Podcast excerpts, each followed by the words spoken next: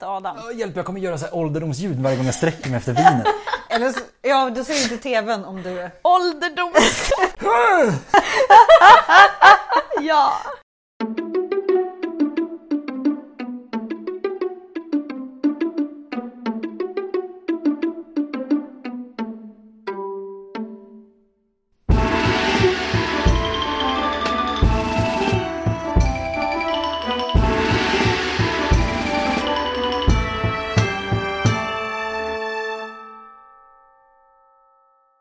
Hej och välkomna till ytterligare ett avsnitt av Podius Castus, en podd om antiken.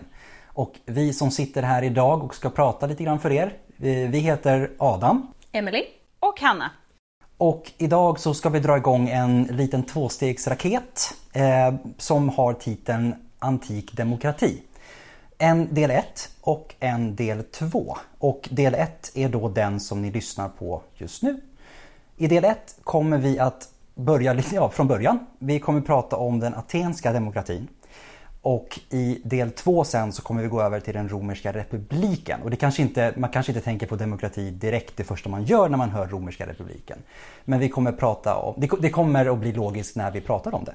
Eh, och eh, varför vi har valt Aten, eh, det är ju för att vi har mest material därifrån. Eh, från, från den grekiska världen. Den grekiska världen var ju inte som ett enat Grekland idag, utan olika stadsstater, ungefär cirka tusen eh, stadsstater som mest. Eh, så det var ganska många olika platser och det var ju flera av de här som hade eh, demokrati i sitt, eller som statsskick. Men det är ju som sagt Aten där vi har mest material från. Det gäller även andra ämnen, men därför har vi valt att fokusera på Aten just idag. Och demokrati idag kan man ju definiera som att det är ett folkstyre som bygger på eh, allas lika rätt till frihet, till liv och till jakt på lycka. Och det finns en ska jag säga, samlad källa till hur atenarna såg på sin demokrati. Och det är i eh, dödstalet som hölls vid Perikles begravning. Och där finns det ungefär liknande formuleringar. Att alla privata eh, bråk eller dispyter, i, i alla sådana dispyter var alla lika inför lagen.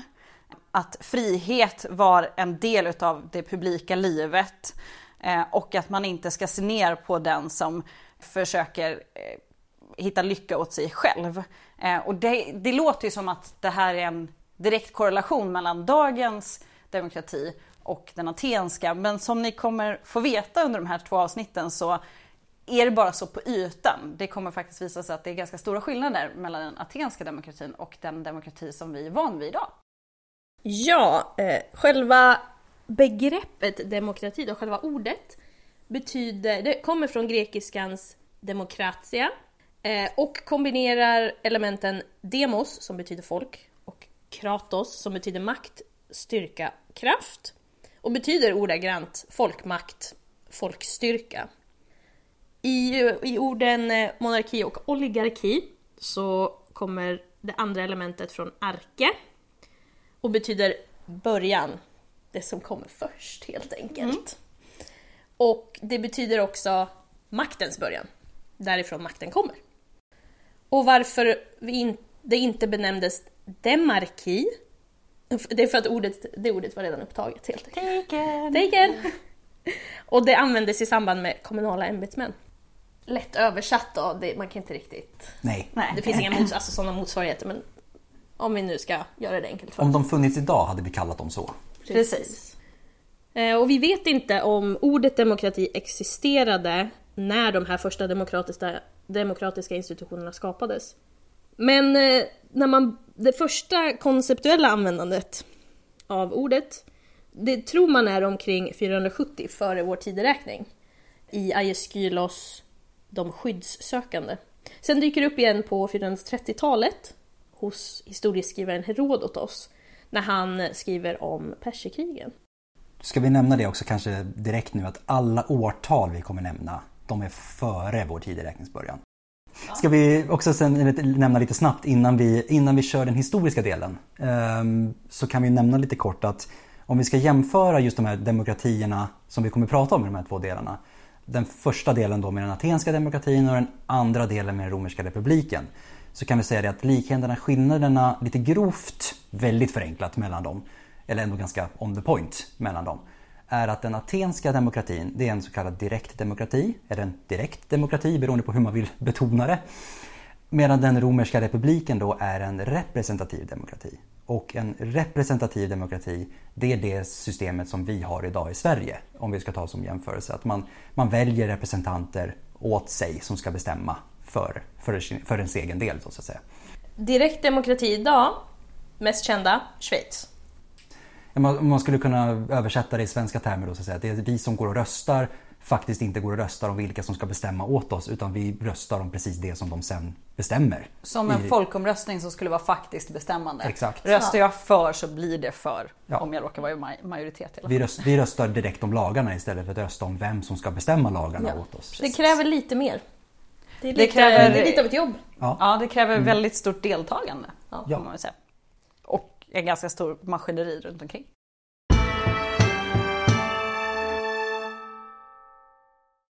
Vi börjar på 700-talet. Eh, och under 700-talet i området vi rör oss, alltså Attika, den halvön där Aten eh, ligger, så är det en ganska stor befolkningsökning. Eh, det här är ju både bra och får lite mindre bra konsekvenser, eller blir ett väldigt sårbart system. Ju fler människor som finns, desto fler munnar att mätta. Och det här var ett jordbrukssamhälle, och jordbrukssamhällen framförallt på den här perioden, eller alla perioder fram till i alla fall modern tid, är väldigt sårbart för väder och vind, eh, andra typer av olyckor. Och blir det då en dålig skörd är det väldigt stor risk att många hamnar i en svältsituation. Och eh, Hesiodos han beskriver det här och säger att om man hamnar i den här situationen, det har gått dåligt, då kan man söka hjälp och då börjar man kanske hos sina släktingar. Eh, och man kanske ber om ett lån. Har man inga sådana som kan hjälpa en, drabbas en drabbas ju ofta många såklart, då kunde man vända sig till de rika, alltså aristokraterna. Eh, och för att få ett lån efter dem, de var ju lite smarta, då krävde de ju någonting i, i pant. Eh, det kunde vara ens mark eller en själv. Alltså man bli, blev livegen, man blev slav till dem. Det är fint. Ja, det är schysst, eller hur? Det är snällt. Jag behöver lite hjälp. Ja, det kan du få, men jag äger dig de närmsta tio åren bara så att du vet. Ja, Alltså, Om du inte kan betala tillbaka. Precis. Vilket man förmodligen inte kan eftersom du står i så pass stor skuld. Precis, så i de, det här sattes ju i system att eh, atenare blev slavar åt andra atenare.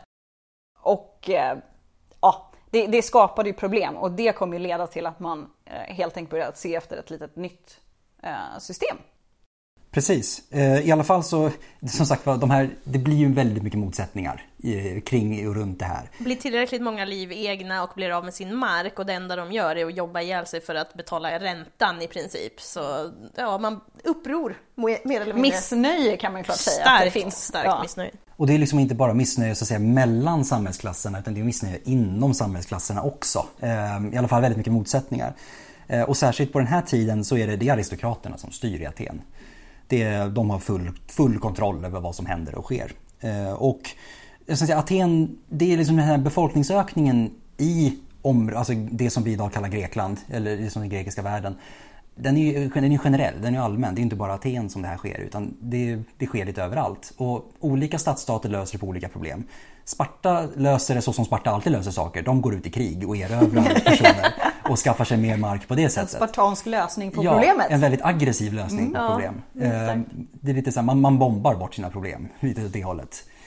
Eh, Och, istället, och andra stadsstater de skickade ut, eh, skickade ut sin överblivna, alltså den här över, eh, extra befolkningen. Överskottet. Överskottet. Son nummer två. Så var det. Så nummer två. De får. Ut på äventyr där. ut på havet och bilda en ny stad någonstans. Eh, bilda koloni. Som blir då mer eller mindre självständig i och för sig. Men Aten gör då ingenting utav det här. Utan Aten de är kvar i Attika som är den lilla halvön eh, där staden Aten ligger. Och motsättningarna bara ökar och ökar och ökar. Och till slut så förstår aristokratin att nej men, vi måste göra någonting åt saken. Det här går liksom inte längre. Så att det är en person som heter Drakon. Ganska, ganska ödesmättat namn idag. Det låter väldigt mycket grövre idag än vad det säkert gjorde då. Och som Eh, vi pratade om på engelska, Ja, Draco. Och det stöter vi på i Harry Potter. Draco Malfoy. Just det. Japp. Det, det är han nu. det är hans tid. Det är hans, hans tid nu. Eh, Nu höll jag på att spoila Harry Potter, det kanske jag inte ska göra. Jag Nej, det gör inte det. Ja, Kan ju eh, finnas då- någon som lyssnar på det här som inte har Å läst andra Harry Potter. sidan, har man inte läst eller sett filmerna vid det här laget, det har ändå gått nio år. Det beror på hur gammal man är. Ja men precis, man kan födas på nytt. Det är- Eller inte födas på nytt, men man kan födas ny, nyfödd kan man ju bli även efter Harry Potter. Tekniskt sett kan man ju födas på nytt Ja, det kan man också om du blir religiös. Är det inte Sant. så att vissa så här, Ja. kristna samfund... Fast frågan är om man läser Harry Potter då som liksom... Nej, då är det sin- väl snarare Man kanske bränner Harry Potter då. Ja, kanske det, ja, just det. Ska vi gå tillbaka till vår drakon? Poängen Ja. som jag ville komma Ja. till är att det drakon gör, och det här är då alltså sent 600-tal, eh, 621 närmare bestämt, som den här drakon då får i uppgift att skriva ner vilka lagar som ska gälla i Aten. Och varför är det här då en så viktig grej? Jo, ni kommer ihåg att aristokraterna hade haft full kontroll tidigare. Och det betyder att de hade också full kontroll över lagarna, för lagen var muntlig. Det fanns ingen lagtext. Det, allt var skriftligt. Så att de hade... Allt Var var muntligt. muntligt. Sa jag det? Allt var skriftligt sa du. Sa jag att du det var skriftligt? precis efter att du sa att det inte var så, så sa du att allt var Det är skriftligt. jobbigt när man håller två ord i I vilket fall så har vi ju, liten avstickare bara, innan vi kommer in i, i befolkningsökning och hela det här så har vi faktiskt haft några hundra år av mörker, eller vad man ska säga, det. där man tappade skrivspråket. Ja, som man- sen har återuppfunnits. Mm. Och det, det är därför inte så konstigt att man inte har lagar nedskrivna än. Nej, precis. Och, det- precis, och tänker man tillbaka på bronsåldern så det enda man skrev ner det var liksom rent administrativa Ja. saker. Ja. Antalet mått på sädeskorn man hade i magasin får någonstans. och- Ja, Precis. precis. Eh, så att det, som sagt det Drakon gör nu, oavsett vad jag sa tidigare, så han skriver ner tidigare muntliga lagar. Och som sagt det brukar, det brukar anses vara den första demokratiska legis, alltså legislationen. Det, är- det är nu som folket faktiskt får något hum om vad det är som gäller i lagväg. Ja, det är ju ganska lätt då för aristokraterna att bara, eh, det här är faktiskt lag. Det, det ska ju också tilläggas att de som var skrivkunniga och antagligen också läskunniga var ju aristokratin. Ja. Men man kunde ju kanske be någon annan att läsa upp vad som stod. Det, det fanns ju lite mer, eller det fanns ju på pränt överhuvudtaget. Så är det. Eh, och det var kanske lite svårare att ändra sig från dag till dag.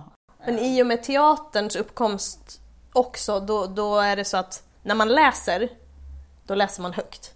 Alltså Ja. man, man skriver på ett sätt för att, för att texten är gjord för att läsas högt. Det är inte så Ja. som vi idag, vi sitter och läser tyst för oss själva, utan den är gjord för att läsas upp. Nej, men till, precis, till och med när man satt och läste ensam så läste du högt. Ja. för att det, var så, du- det var så man läste. Ja.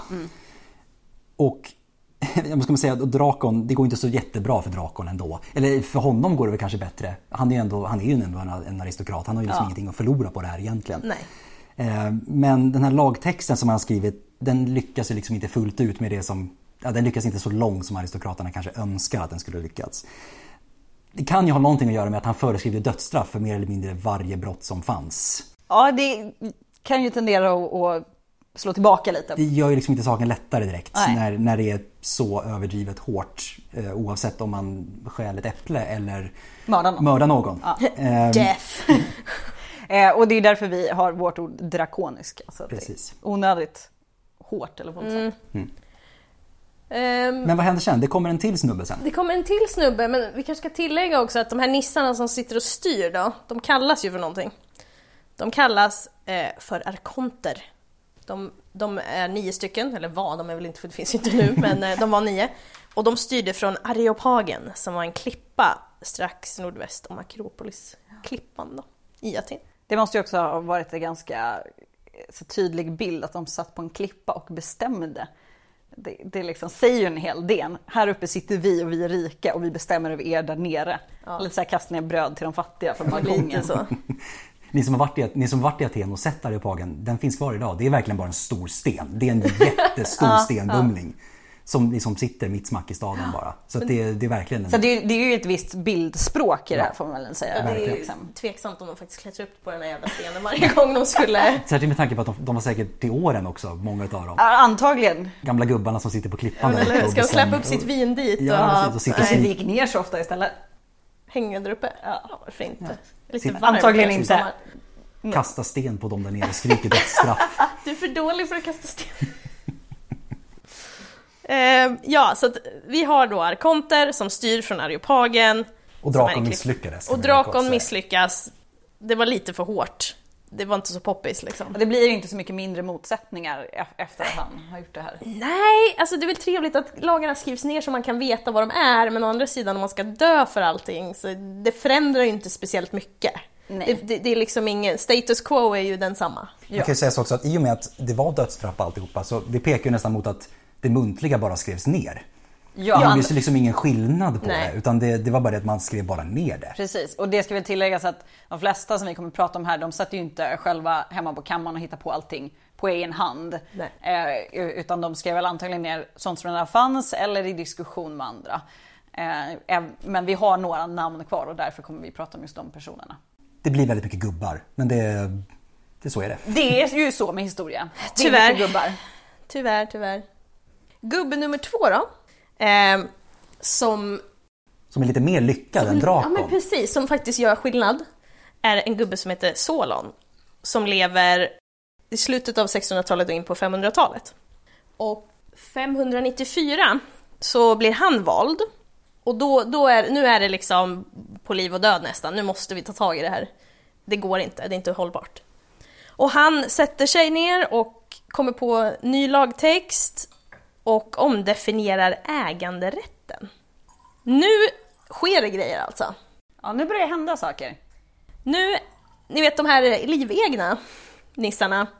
Nu ändrar han det så att om man är frifödd, om du alltså inte är född som slav, då kan du inte bli ägd av någon annan på det här viset.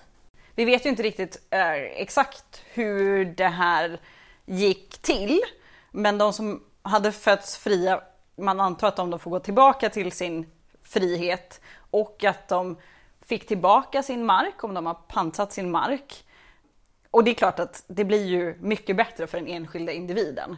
Även om du inte är en storbonde så har du i alla fall någonting som är ditt eget och den maten du lyckas, det spannmålet du lyckas producera är ditt, inte någon annans. Så det är klart att det underlättar ju för en väldigt stor del av befolkningen.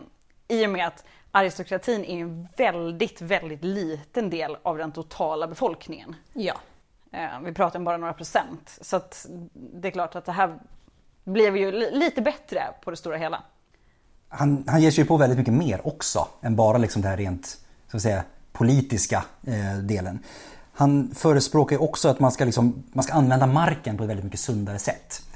För att det som har blivit nu det är att Aten är såklart, de är precis som alla andra stadsstater beroende av jordbruket.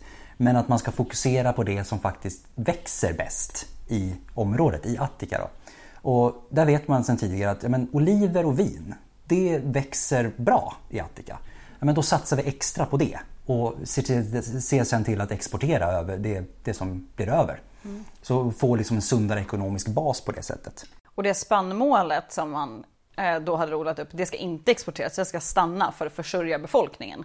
Så att det blir som tvådelat spannmål, det ska vara kvar för att föda alla människor och sen kan man odla annat som ska exporteras. Och vi vet ju eh, från olika fynd, man har ju bland annat hittat eh, att marina arkeologiska fynd, skepp som har sjunkit så här, man kan se eh, var det här kommer ifrån. Och de här kärlen som allt det här exporterades i var ofta stämplade. Så man kan faktiskt göra lite uppskattningar och de producerade ju en hel del ändå. Och man kan se som sagt att under den här tiden, under den här tiden som Solon styr och ställer lite grann som han vill i Aten så exploderar Atens export. Ja. Det är mängder med oljekärl bland annat som påträffas runt hela Medelhavsområdet och upp mot Svarta havet också. Och, och det genererar ju lite andra grejer. Alltså det kommer påverka må- vasmåleriet, skulpturerna, alltså konstformerna når ju nya höjder. I och med att det blir ett rikare samhälle så påverkar det andra aspekter av kulturen som vi inte kommer gå in på i det här avsnittet men som kommer komma i andra avsnitt. Men det blir en, en liten guldålder helt enkelt. På tal om guld Ja. så ökar man också brytning av silver och då kommer alltså en större mängd mynt i omlopp. Men eh, vi, på ett sätt, så, man saknar ju folk. Om vi friger alla de här livegna, då har vi lite av ett problem. We om vi nu ska slaves. öka, precis, vi behöver slavar. Så det exploderar ju, slavägandet. Ja. Det- För att det, tidigare så, jag menar, om vi, tittar, om vi tänker på aristokratin nu. De, aristokratin, de hade ju tidigare sina de här livegna då. Och de hade också den här beslagtagna marken som de hade fått egenhet utav den här säkerheten för lånen då. Så att de hade ju, alltså deras rikedom hade ju exploderat för de hade ju dels livegna som kunde jobba åt dem och dels väldigt mycket mer mark som kunde producera väldigt mycket mer. Som de så sen kunde exportera och sälja utomlands och få in mer pengar på det sättet. Men nu försvinner ju all den här inkomsten. Mm. Dels försvinner deras, ja, den här ytterligare marken och dels försvinner arbetskraften i form av de här livegna då som inte längre är Två livegna. ganska stora problem samtidigt Eller- för aristokratin. Problem inom citationstecken. Ja, Det är problem. Det Oh, beror I'm not rich enough! Så man, kan, man förstår ju att de är ju inte nöjda över den här utvecklingen. Ehm, Men Även fast det lugnar ner sig. Motsättningarna, vi, vi, Mm. det är inte så mycket upprorsrisk. Det blir, som en, det blir som en kompromiss. Ja. Men kompromissen tycks ju väldigt mycket mindre om av aristokratin än Såklart. vad den gör av de, de, som blir fri, de som blir egna nu Ja. istället för livegna. Men som sagt aristokratins lösning på det här, det är ju slavkraft då. Ja. Från ut, alltså utländsk slavkraft som man importerar istället. Och tidigare ska vi säga att det fanns ju den här möjligheten såklart tidigare också. Mm. Men då var det dyrare för då var du faktiskt tvungen att betala för att transport och hela den här biten. Och, och att faktiskt köpa en slav. Ja. Det kostar ju pengar. Nu har du liksom bara lånat och sen beslagtagit personen när inte personen kan betala tillbaka. Mm. Precis. Eh, Så det är lite ironiskt att tänka sig att liksom friheten för de här atenska medborgarna eh, han- handlar helt och hållet om att aristokratin kan förse sig själv med slavkraft utifrån. Som absolut inte är fri såklart. Nej. Nej. Och just vad gäller silver, man bryter ju det. Man går ju ner i en gruva liksom. Och det görs ju inte utav aristokratin. Det, gör ju in, det görs inte av aristokratin, det görs inte av livegna. Va?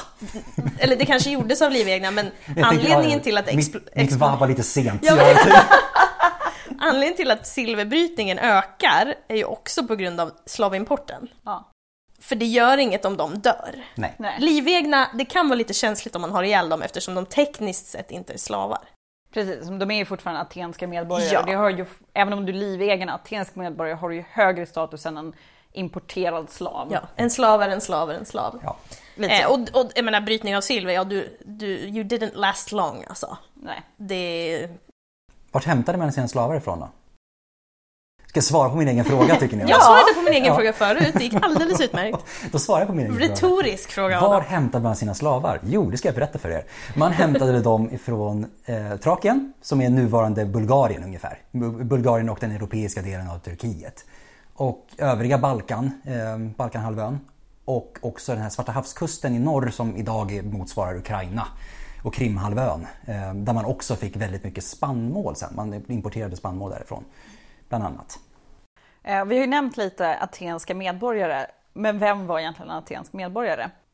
Ja, vi, vi skulle kunna jämföra, göra en jämförelse med hur många som fanns i Attika.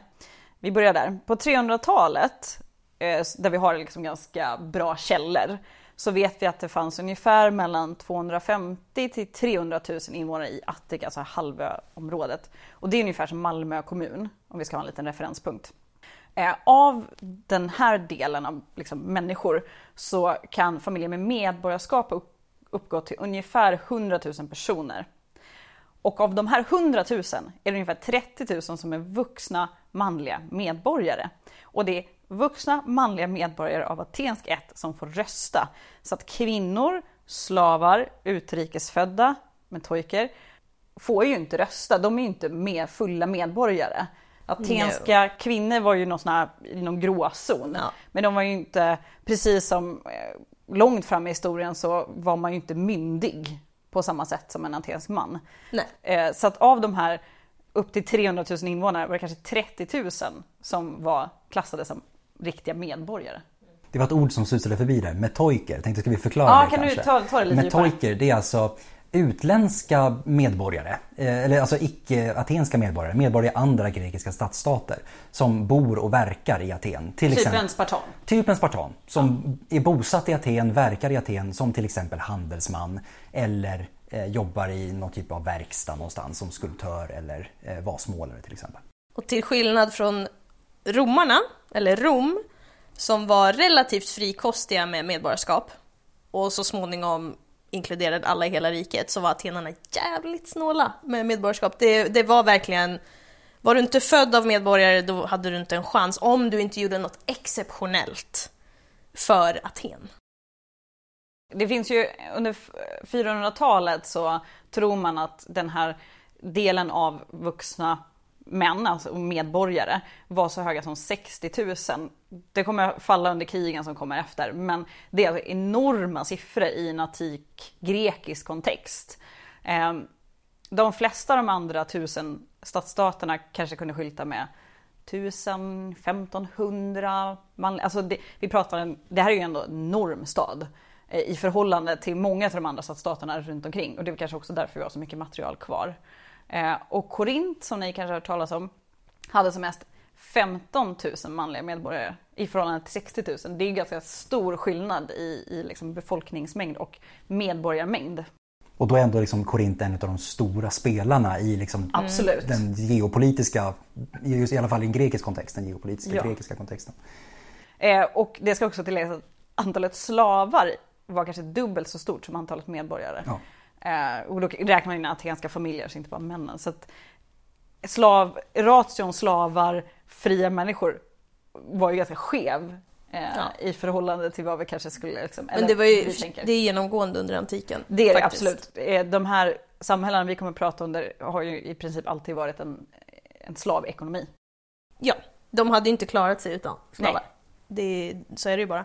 Men vem, vem var medborgare då? Vi har konstaterat i alla fall att... Vuxna ja, män. Vuxna män i alla fall. Atenfödda, vuxna, kvinnofrågan, huruvida kvinnor är medborgare eller inte, verkar ju vara omdiskuterad.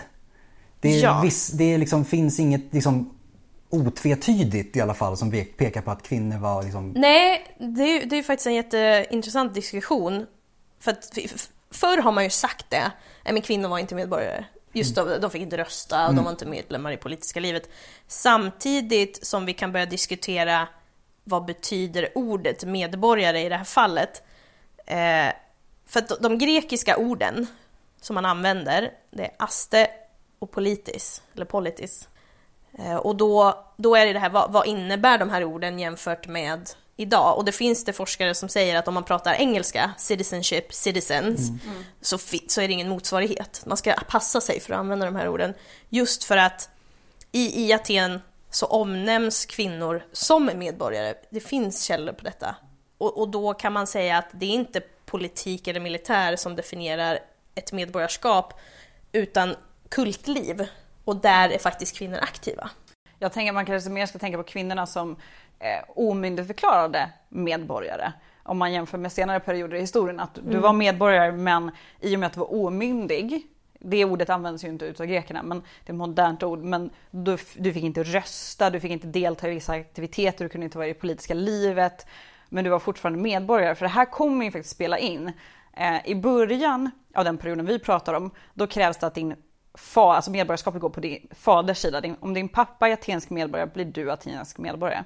Men senare så kommer eh, efter Perikles och Kimons reformer ungefär år 400, alltså mitten av 400-talet, så kommer du behöva ha två föräldrar, alltså en mamma och en pappa som är atenska medborgare. Och då märker vi att kvinnan kunde vara medborgare. Men Ja, men kunde inte vara precis. delaktig Nej, på samma exakt. sätt. Ehm, men men summa, summa summarum, kvinnor kunde inte delta i det politiska livet. Nej. Nej. Precis, de manliga medborgarna. Det var de som var eh, aktiva. De, de, det var de som kunde, precis. Det var Ja. de som fick. Det var inte bara de som kunde, utan det var, de som, det var bara de som fick. Det var liksom Ja. ingen, annan, ingen annan som fick. Och då är vi alltså uppe i en procent av befolkningen som får rösta. Då är vi uppe i 10, max 20 procent. Eh, Och det här kan ju idag ses som extremt exkluderande med våra mått mätt. Men under antiken såg det här som för inkluderande. Det var ju liksom... Radikalt! Ja men Ja, det var men helt verkligen. galet. De fattiga fick bestämma. Det var ju liksom, eh, det, var ju någonting nytt. Eh, och det var ju någonting som folk hade, och med folk menar aristokratin, väldigt mycket åsikter om. Så man, man ska vara försiktig med att lägga våra moderna värderingar på att vara inkluderande på den här perioden. För då blir det, då blir det väldigt snårigt väldigt, väldigt snabbt. Ja, och om vi ska prata om vi dömer efter våra mått mätt, hade de dömt vår demokrati efter sina mått, då hade de kallat det för en oligarki. Precis. Fåmansstyre. För vi, har ju, vi är faktiskt inte en direkt demokrati. Nej. Nej. Det är ju inte det. Eh, Så, så att det, det är viktigt att komma ihåg att vi ska hålla isär våra värderingar. eh, Så om- gott vi kan. Så gott vi kan, precis. I den mån det är möjligt. eh, Och deras för att kunna förstå det här systemet bättre. Det vi ska säga också, det är att även om man var atensk medborgare och man, så var man misstänkt för brott så fick du inte rösta. Så där fanns ju ett litet sån här äh, incentive att uh, vara lite laglydig. I och för sig, Du ska vara misstänkt för brott, du kan ju begå brott och inte bli påkommen. Men, men de hade en liksom lite sån, uh, vad ska man säga, litet skydd inbyggt i uh, att du kunde, att du inte fick rösta om du var en skummis. Och när vi, om vi går tillbaka lite snabbt till de här, eh, när vi, när vi ändrar på det här att du, du, får ha, du måste ha två föräldrar som Mm. är atenska medborgare. Dels bötfälldes man om man, om man råkar gifta sig med någon icke Icke-aten. atensk och fick barn med. Och dels, det, nu börjar vi prata, alltså nu krymper ju det. Det krymper ju ganska radikalt ve- vem och vem, vem är inte medborgare längre. Vilket leder till att det kommer ju implodera så småningom. Det finns inte tillräckligt många för att hålla systemet vid liv Nej. när det här kravet införs. Solons politiska reformer då? Vi har ju pratat om nu hans ekonomiska reformer, han struntade i att folk kunde vara livegna. Eller han struntade inte i det, han, han såg till att folk inte längre kunde vara livegna.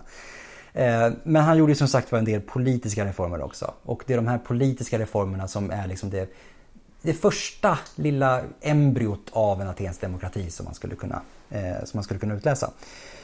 Det han börjar med då, det är att alla atenska medborgare, och då de såklart de manliga medborgarna främst, delas in i fyra samhällsklasser baserade på rikedom. Och det här var då alltså den rikedom som man kunde producera från sin mark under ett år. Och det måttet som man använde i de här klasserna då, det var ett mått som heter medimnoi, eller medimnos i singularis. Och det här medimnos då, det motsvarar ungefär 30 kilo korn eller 45 kilo vete. Ett medimnos alltså. Och de fyra klasserna då, ska vi köra dem? Det Vi kör dem. Den första, den högsta klassen, den rikaste klassen. Det är Pentakosio medimnoi. Där behöver du hålla tungan rätt i mun Herregud, alltså, det är jäklar. Väldigt många bokstäver i det ordet alltså. Det är grovt översatt, alltså männen av 500 mått. 500 måttsmännen. De här Pentakosio medimnoi då, de kunde hålla alla politiska ämbeten i staden, i Aten. Top notch. Högst, högsta hönsen. Ja, de, eh, de rikaste. Rikaste rika. Klass nummer två, det var hippeis, eller hippeis. Ryttarna, riddarna.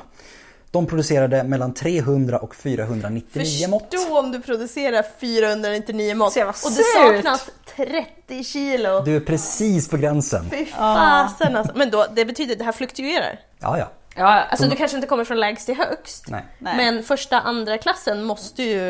Ja, men det är också intressant för jag menar, ett bra år och ett dåligt år måste ju göra ganska mycket för samhällsklasserna. Men, men då, hur ofta ändrad strukturerar man om? Går jag och kollar, hej Adam, eh, hur många mått har du? eh?" Man kanske utgick från mark och potential. Det är väl lite så. Man, får ju räkna, man kan ju tänka sig att det var något åt det hållet. De måste ju haft som något sånt system för att göra det bara praktiskt Det möjligt. måste ju varit så här, den här ytan versus hur mycket... Ja. Ja.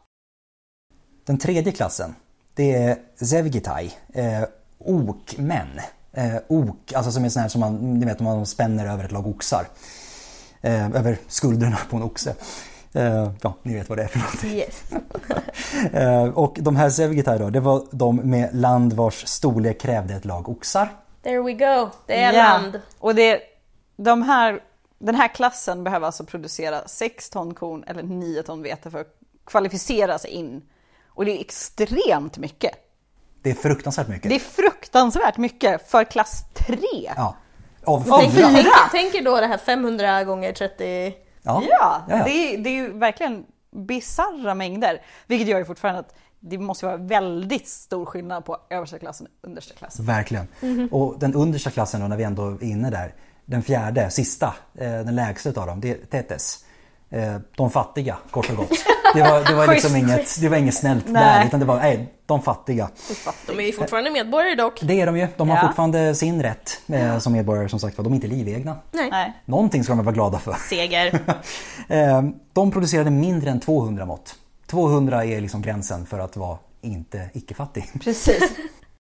Och de här då, Tetes, eh, de kunde inte hålla några politiska ämbeten. De högre klasserna kunde hålla olika politiska ämbeten. Eh, Men Tetes kunde vara med i en folkförsamling, en allmän folkförsamling. Och de kunde också vara med i juryn i olika domstolar. Eh, och de flesta atenarna liksom infanns ju i den här fjärde klassen, Tetes, de, de fattiga. Eh, det var ju ganska, en, en, precis som aristokratin, en liten procent som var högsta. Då tänker vi en procent av en procent. ja, av en men, procent. Ja.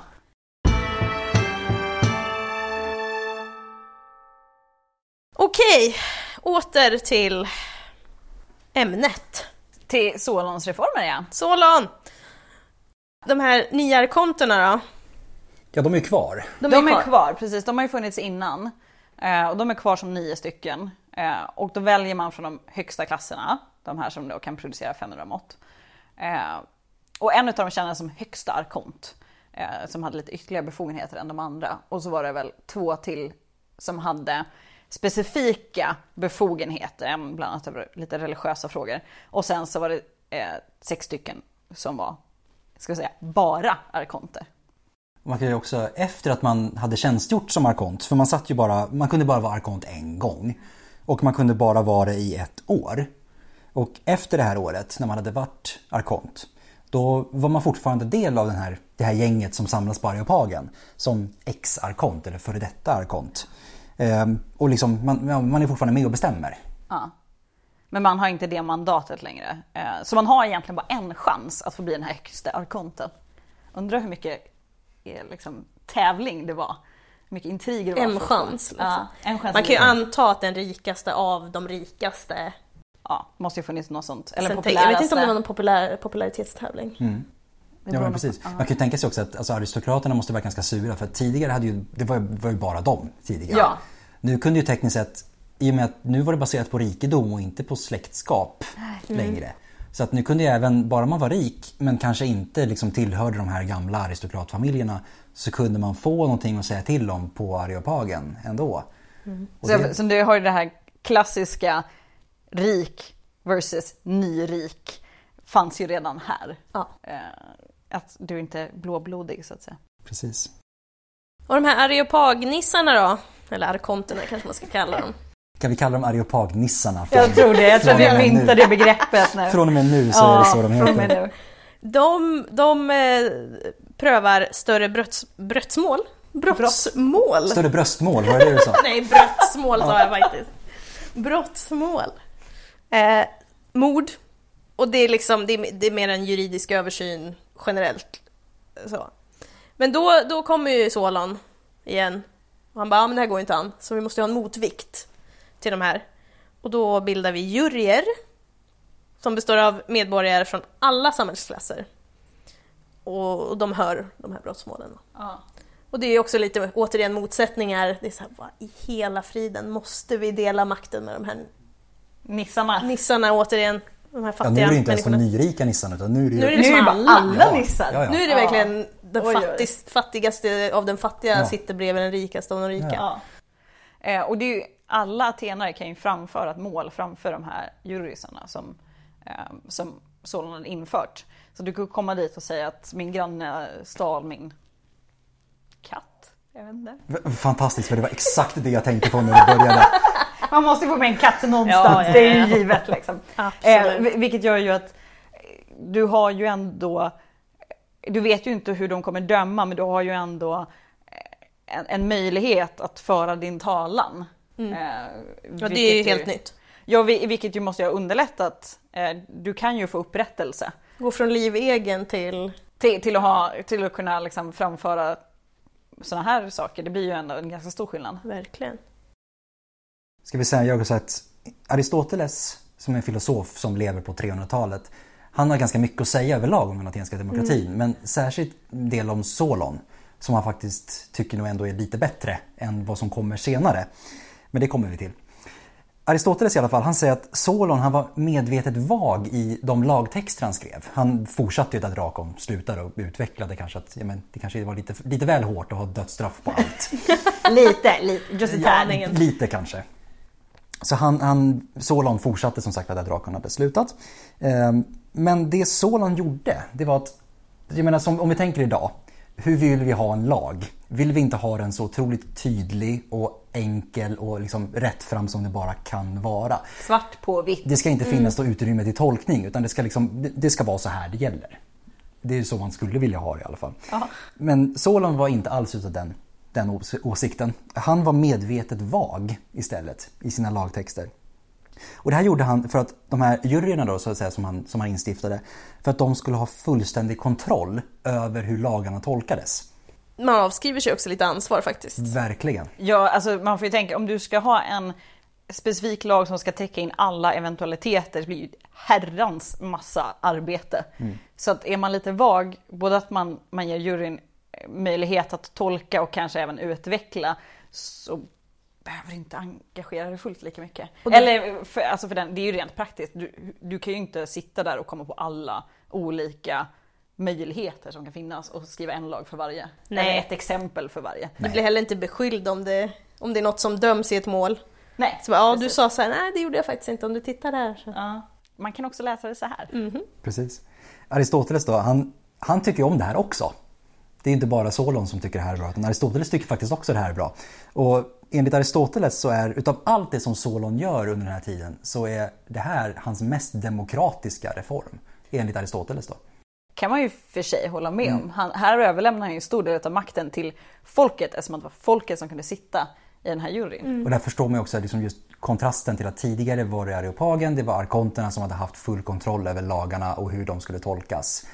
Och nu flyttar han den makten lite grann, eller i alla fall lättar på den makten. Precis. Vågen jämnar ut sig. Något. Ja. ja. Men han gör ju någonting mer också, han skapar ju en folkförsamling. Ja. Och den är öppen för alla medborgare som vill vara med. Alla manliga medborgare som vill. Ja. Alla manliga medborgare över 20. Ja. Och, och den här folkförsamlingen då, den bestämde om frågor gällande krig och fred. Och att de också utsåg arkonter. Och då har vi ju ännu en liksom makt hos de lite fattigare folket. De kan, ju då liera sig, om man tänker efter, de kan liera sig med någon, ja men han har, den där rika, han, han är ganska bra.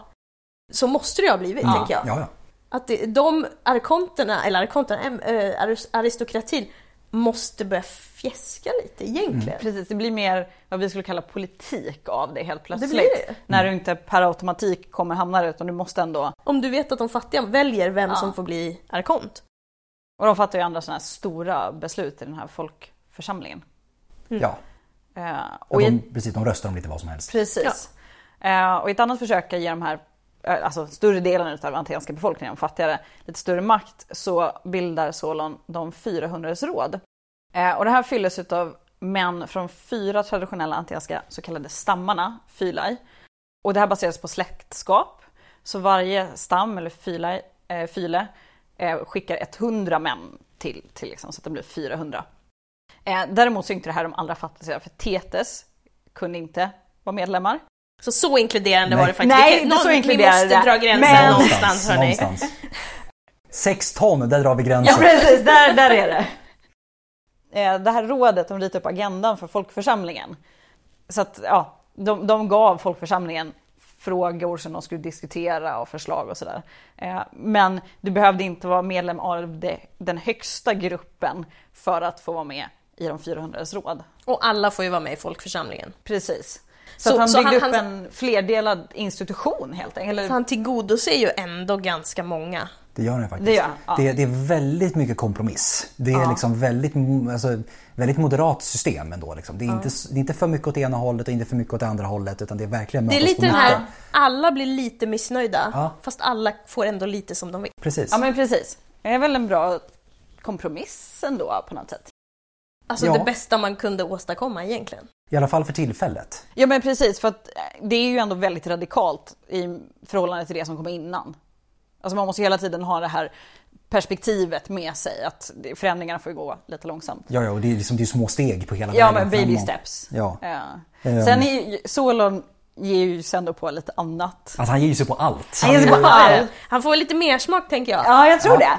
det. Eh, Så han, det här är ju ändå, eller roligt, ja, men man får lägga in sin egen värdering. Men han ger sig på lite familj, eller det vi skulle kalla familjelagar. Så han bestämmer alltså att en gift man måste ha sex med sin fru åtminstone tre gånger i månaden. Annars jävlar. Jag vill veta hur man kontrollerade det. Ja, jag undrar också. Gick man ut så här, frågade eller skulle man Jag ha undrar, ett vittne? undrar anledningen också.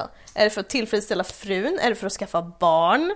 är det för att alltså, Jag, jag tror på nummer två där. skaffa barn? Vi, det här kommer vi säkert komma in Ja. på i kommande avsnitt, men i de övre klasserna så var det oftast ganska stor åldersskillnad mellan fru och man. Och frun var ju den man skulle skaffa barn med, inte nödvändigtvis den man skulle ha någon typ av intellektuellt utbyte med, den man kanske ville ligga med. Och också, man skulle inte ligga med frun för ofta. För blir hon gravid för ofta riskerar hon även att dö i barnsäng och det är ofta frun som styr hemmet. Precis. Så hon är väldigt värdefull, du vill inte bli av med din fru. det är kanske, jag vet inte om det här var tänkt som en snäll grej mot frun för att de skulle få ligga lite mer. Antagligen inte. Förmodligen inte. Eh, men inte det, med tanke på vad han gör mot kvinnor. Precis. För sen så begränsade han kvinnors friheter. De hade inte jättemycket friheter innan. Eh, och han inskränkte bland annat deras rätt att resa på egen hand utanför hemmet. Eh, de skulle vara i hemmet, under sin makes översyn, omyndigen, eh, och vara hänga där. Hålla sig där. Vara lydig och dygdig och Också det här är de rikaste. Ja. Eh, Man bryr sig inte så mycket om vad de fattiga håller på med egentligen. Det är klart att man kanske vill att en medborgare ska gifta sig med en medborgare.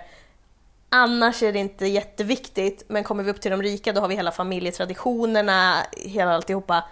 Och där har man ju också större arv som ska fördelas. Så, Ja. så fort du kommer upp i högre summor så blir det ju rent juridiskt viktigare eh, hur de här förhållandena ser ut. Och där finns det ju också, eh, det är klart att det fanns väldigt tydliga kulturella idéer om vem man skulle gifta sig med, vilken ålder och så vidare. Det var Men- inga kärleksäktenskap direkt. Nej, men det, det materialet vi har kommer ju i nästan alltid uteslutande handla om eh, de övre samhällsskikten, för det är de som skriver det materialet vi har. Det är det vi vet mest om helt enkelt.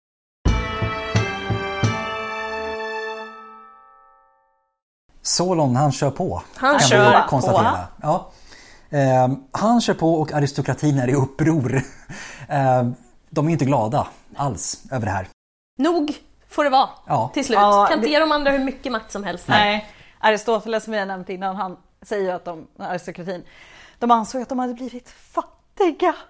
När eh, man då släppte fria de som hade fötts fria. Ja, gud ja, de blev av med all mark och Ja, alla sina slavar. jag Tänk, det här har alltså legat och grott nu under en stund. Ja. Eh, och Aristoteles, då ska vi tillägga, han skriver ju hundra år senare. Ja, ja, ja. precis. Så att det är inte och är samtidigt. själv lite, liksom, lite mer övre eh, samhälls... Ja, han är inte jätte, nödvändigtvis Nej, jättevänligt Han är inte down with the people om man Nej, säger så. nej, sättet. är nej. Och alltså, moraliskt fel eller inte, men på ett sätt kan man ju förstå. De har alltså, som Adam sa, de har ju i princip fått den här marken, de har i princip fått den här arbetskraften och så blir de av med allt mer eller mindre ett slag. Klart att de är upprörda. Det betyder inte att de har rätt i det och med våra ögonmått verkligen inte. Nej. Eh, Men det är inte så konstigt att de reagerar på det här sättet. Nej. Så att, ja, det är fortfarande, det är slavar. Det är slavar. Utländska slavar som löser alla problemen för de fria atenarna. Det är Fria rika Athena. fria, ja men precis. Eller i alla fall både och. Tänker Ja, att de, både och, de, de mindre rika, de slipper ju bli drivna i livegenhet igen. Ja. För att, Det, det blir lite ironiskt att de atenska medborgarnas frihet Ja. baseras på att andra människor är totalt ofria. Precis. Utan framtidsutsikter. den Vi atenska. Till stor del, den atenska lite. demokratin hade inte existerat om det inte vore för aristokratins slavar. Sen så, Alltså, som sagt det får ju lite roliga konsekvenser. Att folkförsamlingen existerar får ju lite roliga konsekvenser. I alla fall framåt mitten av 500-talet. 561 så, så kommer en av de här aristokraterna, han heter Pisistratos, han helt sonika utför en fredlig statskupp och utropar sig själv till tyrann. Så det här är ju roligt. En fredlig statskupp. Det här får vi utveckla. Jag älskar det, älskar det. Och tyrann betyder absolut härskare. De negativa konnotationerna är senare, skulle vi säga. Ja, just nu, det, it's fine. Det är någon som härskar på egen hand. Man bestämmer allt. En monark. Det är samma med ordet diktator faktiskt, Ja. som vi kommer ta upp i nästa avsnitt. Nej, men det han gör då, då med den här fredliga statskuppen, han ställer sig framför folkförsamlingen och så, så håller han väl ett, jag antar ett väldigt passionerat tal. Retoriskt bra. Retoriskt passionerat tal om att Lite snyft, snyft. Ja men det är snyft, snyft. Jag, jag är hotad till livet av mina politiska rivaler. Så jag måste få en, en beväpnad livvakt. Folkförsamlingen sväljer det här, ger honom sin beväpnade livvakt. Och Aten, som andra stadsstater, de har ingen stående armé, de har ingen polisstyrka eller någonting.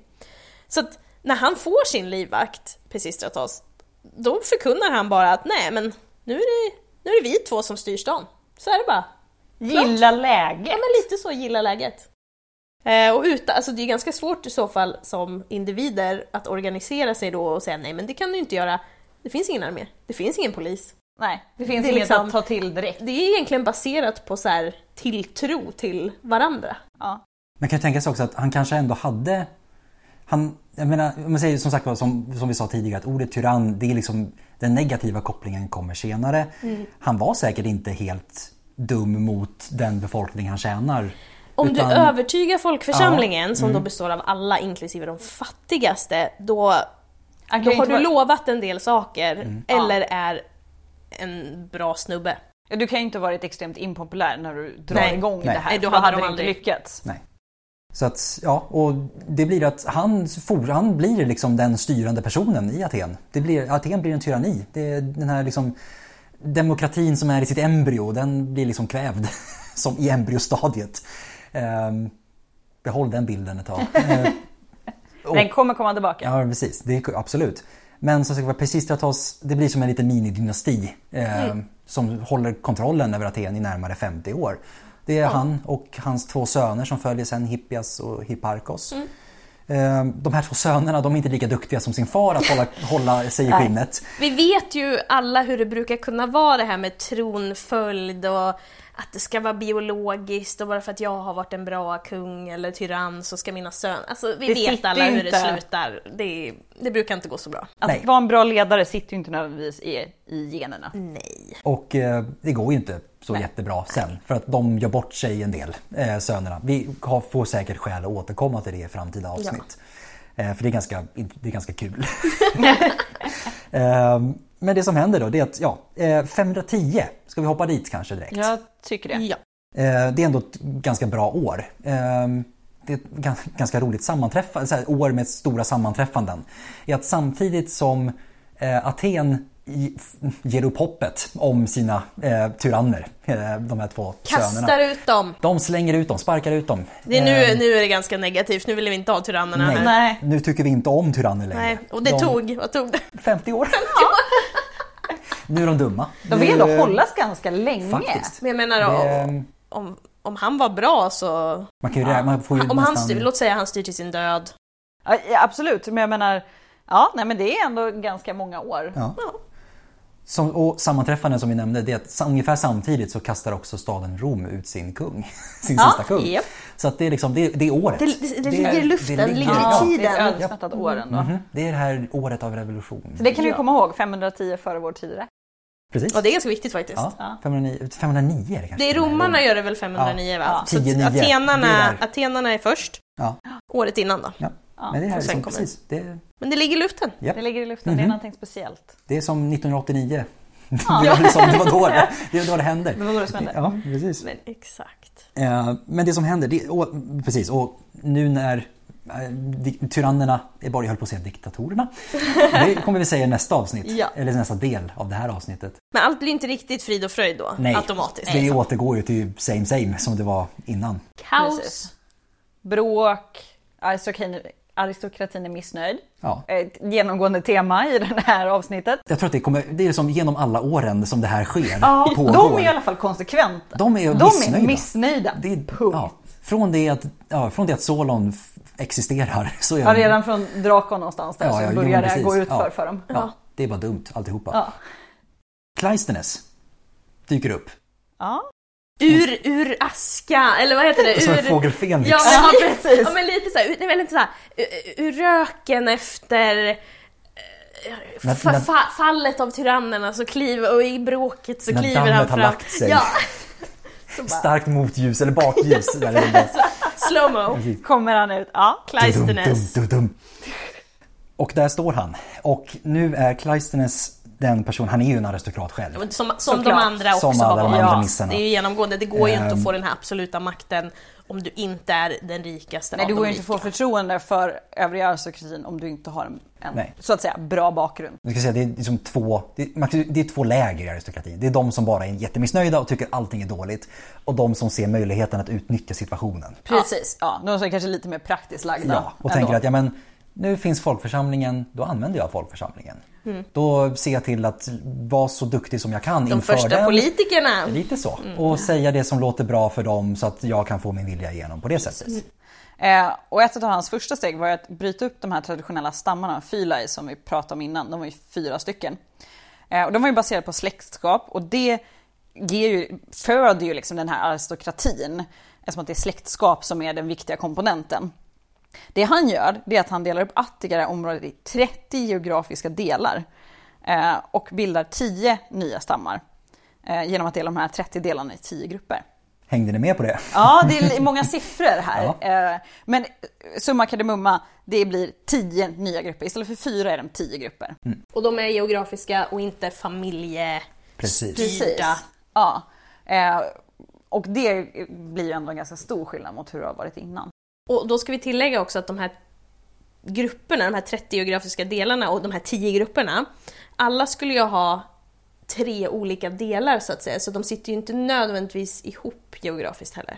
Ett från kusten, Yes? Ja. ett från inlandet Yes? och sen ett från liksom stads, eh, området runt staden och staden själv. Liksom. Precis, och varje del skulle ändå representera hur området såg ut rent geografiskt. Precis, så att eh, det var lite, ja, det var jämnt fördelat geografiskt, fast det hör inte ihop, alltså sitter inte nödvändigtvis ihop geografiskt. Vilket är ju ändå ganska, det får man säga, väldigt klokt tänkt. För att om du bor vid kusten kommer du säkert ha andra prioriteringar än om du bor i en stadskärna. För ditt liv kommer ändå skilja sig ganska drastiskt åt dag till dag. Så här, här, det här var ju ändå, får man ju säga, ganska genomtänkt. Verkligen. Men det är ju en till smocka för aristokratin. Absolut, det blir det ju verkligen. De här gamla traditionella stammarna, i och med att de var baserade på släktskap, man ärvde sin fylla från sin, från sin pappa. Ja, och man blev liksom benämnd med sin pappas namn i sitt eget namn så att säga. Ja. Du var, du var, ja, nu Adam från. Ja men exakt, exempel, ja, men precis. eller son till. Precis, Eh, ja. Och det var ju liksom källa för aristokratisk makt. Det var där de fick sin makt från, eh, släktskapet. Och istället för då fylai så kallas det, det har vi nog nämnt tidigare men då tåls att nämnas igen. De kallas för deme.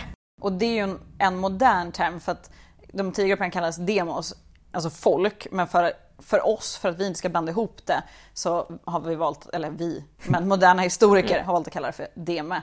Eh, som att vi fortfarande använder demos för folk. Eh, så att om ni stöter på det begreppet så är det därför. Nu ska ju atenarna, nu ska vi prata namn också, för att nu kan du inte längre vara känd för namn plus din pappas namn, utan nu är det ditt namn och ditt deme. Vart du är ifrån, inte vem du är ifrån. Exakt. Och det här gör ju att moderlandet får en väldigt central del. Det blir Inom något så här citationstecken. Precis, moderlandet inom situationen. men det, det får ju... Aten, Attika. Precis. Eh, det får ju... Det blir nästan viktigare än vem du är släkt med. Så på ett sätt är det, det är väldigt strategiskt för att framhäva demokratin och framhäva den här atenska andan. Ja men precis, vi-känslan Ja. får ju verkligen en boost där.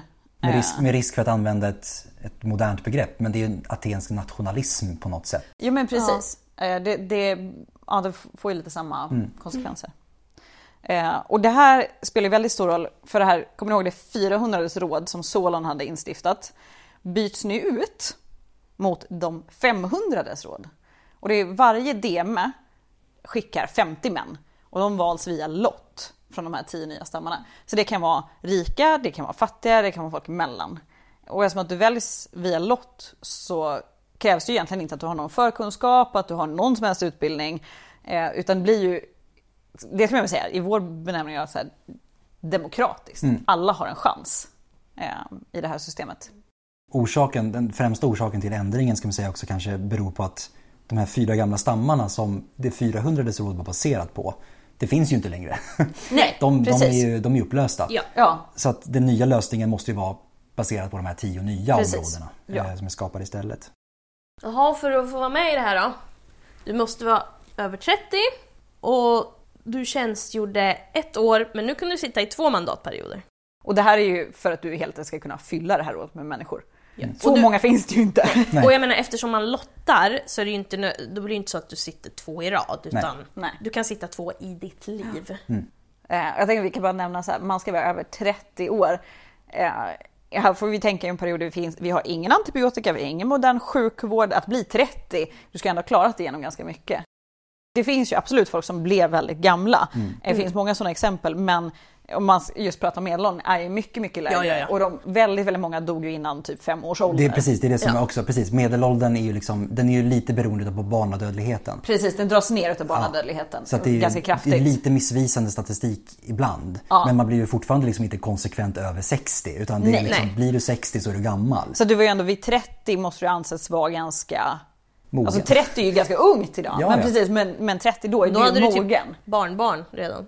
Ja men alltså, du, jag är med att du jag- är liksom väl etablerad i samhället Ja. vid, vid det här laget. Men det här nya systemet, det innebar ju att nästan varenda atenska manliga medborgare någon gång tjänstgjorde i rådet. Ja. Eh, och det är ju ändå, om man jämför, om vi nu ska tänka i Sverige idag, det är ju inte så att varenda svensk har varit politiskt aktiv. Nu har inte vi en direkt demokrati så att jämförelsen funkar inte riktigt. Men du var ju ändå, demokratin var ju ändå närvarande i ditt liv på ett helt annat sätt än vad den är idag. För du kan ju välja att skita fullständigt i att rösta idag. Men här krävde du att du var liksom involverad på ett helt annat sätt. Ja, blev du lottad då får du Ja, det var ju bara snällt- infinna sig. Ja, Det är ja. bara att gilla läget. Och det är, det är nu som det här, alltså det demokratiska projektet om man ska kalla det som så, blir alltså, mer och mer radikalt. Ja.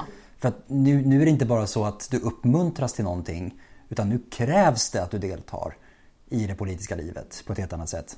Och det är nu som sagt som, alltså, under den här tiden i alla fall, inom de här årtiondena som demokratia dyker upp på riktigt. I texterna, i, texterna antika också. texterna ja. Folkstyret.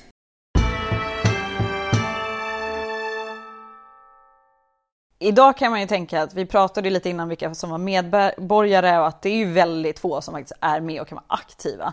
Det är ju uppemot 70 procent och fler som är exkluderade från det här.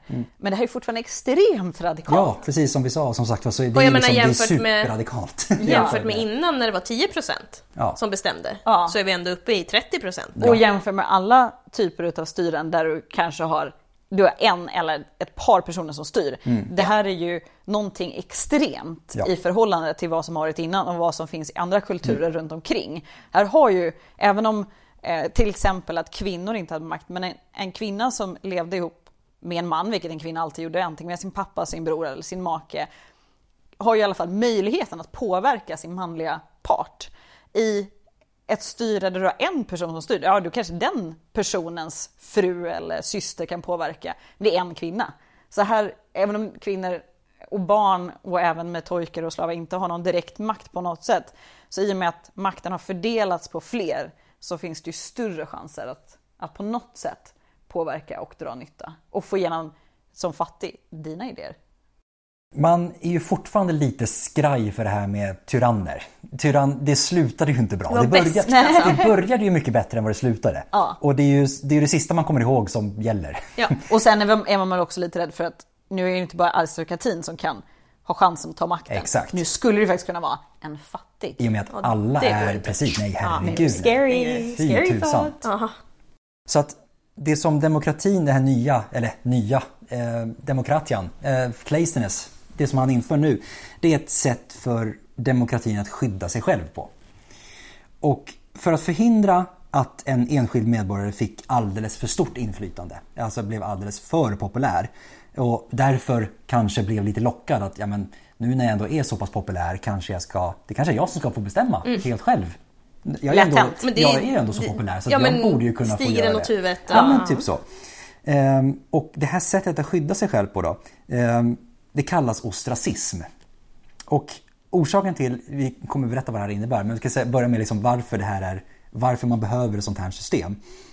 Det är för att i och med att makten ligger hos folkförsamlingen, det är inte det att du väljer någon som kommer bestämma åt dig, utan det är du som går till folkförsamlingen som faktiskt också bestämmer, tillsammans med alla tusentals andra som är där. Så det är inte så enkelt som att avsätta någon från ett ämbete för att förhindra att den här personen utövar sin makt på ett felaktigt sätt. Till exempel. Precis, har någon blivit väldigt impopulär är det ganska svårt att bli av med den på ett lätt sätt. Det är liksom precis, man kan inte bara gå till lagen och säga men nu har du överstigit ditt mandat, du får flytta på dig. Mhm. Det, skulle, det kan man ju självklart också göra om det är någon i den positionen som är. Men om Återigen, det... vi har ingen polis, vi Nej. har ingen Nej, armé. Precis. Men ponera att det är någon som bara helt sonika ställer sig framför folkförsamlingen och blir väldigt populär och liksom börjar föreslå massa saker och sen tänker man att nej, men nu börjar det här stiga honom mot huvudet. Nu, nu, han är, börjar bli farlig. Han börjar bli för mycket.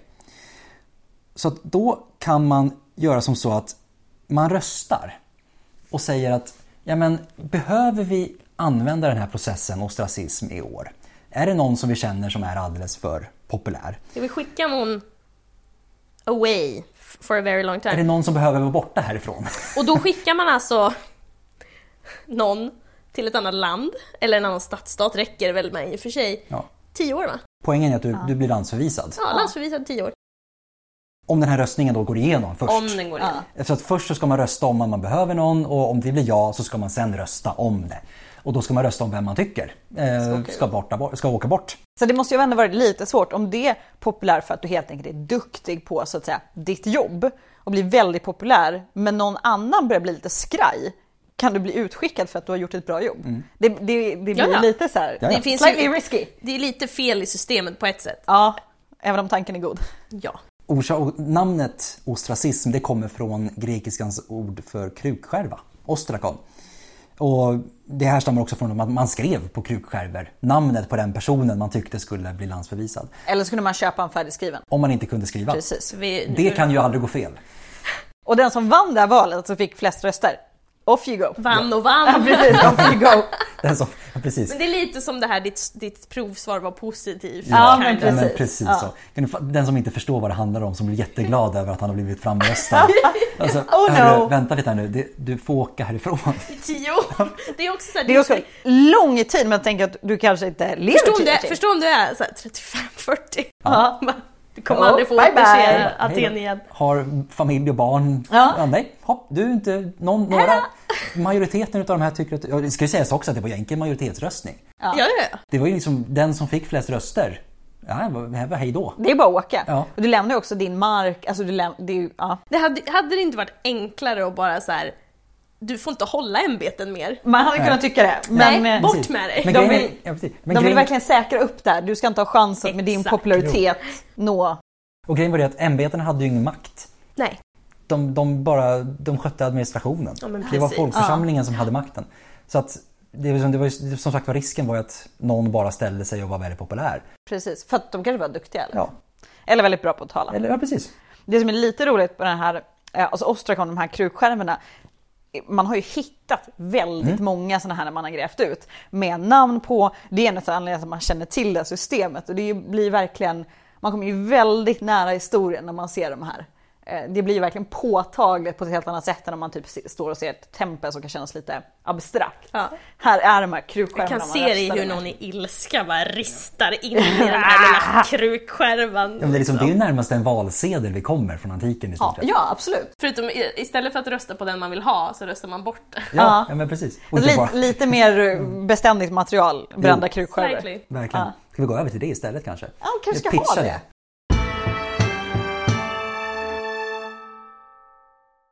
Men nu har vi ändå rört oss så pass långt fram i historien att vi kommer ju faktiskt mot den sista stora utvecklingen av det här systemet. Då. 461.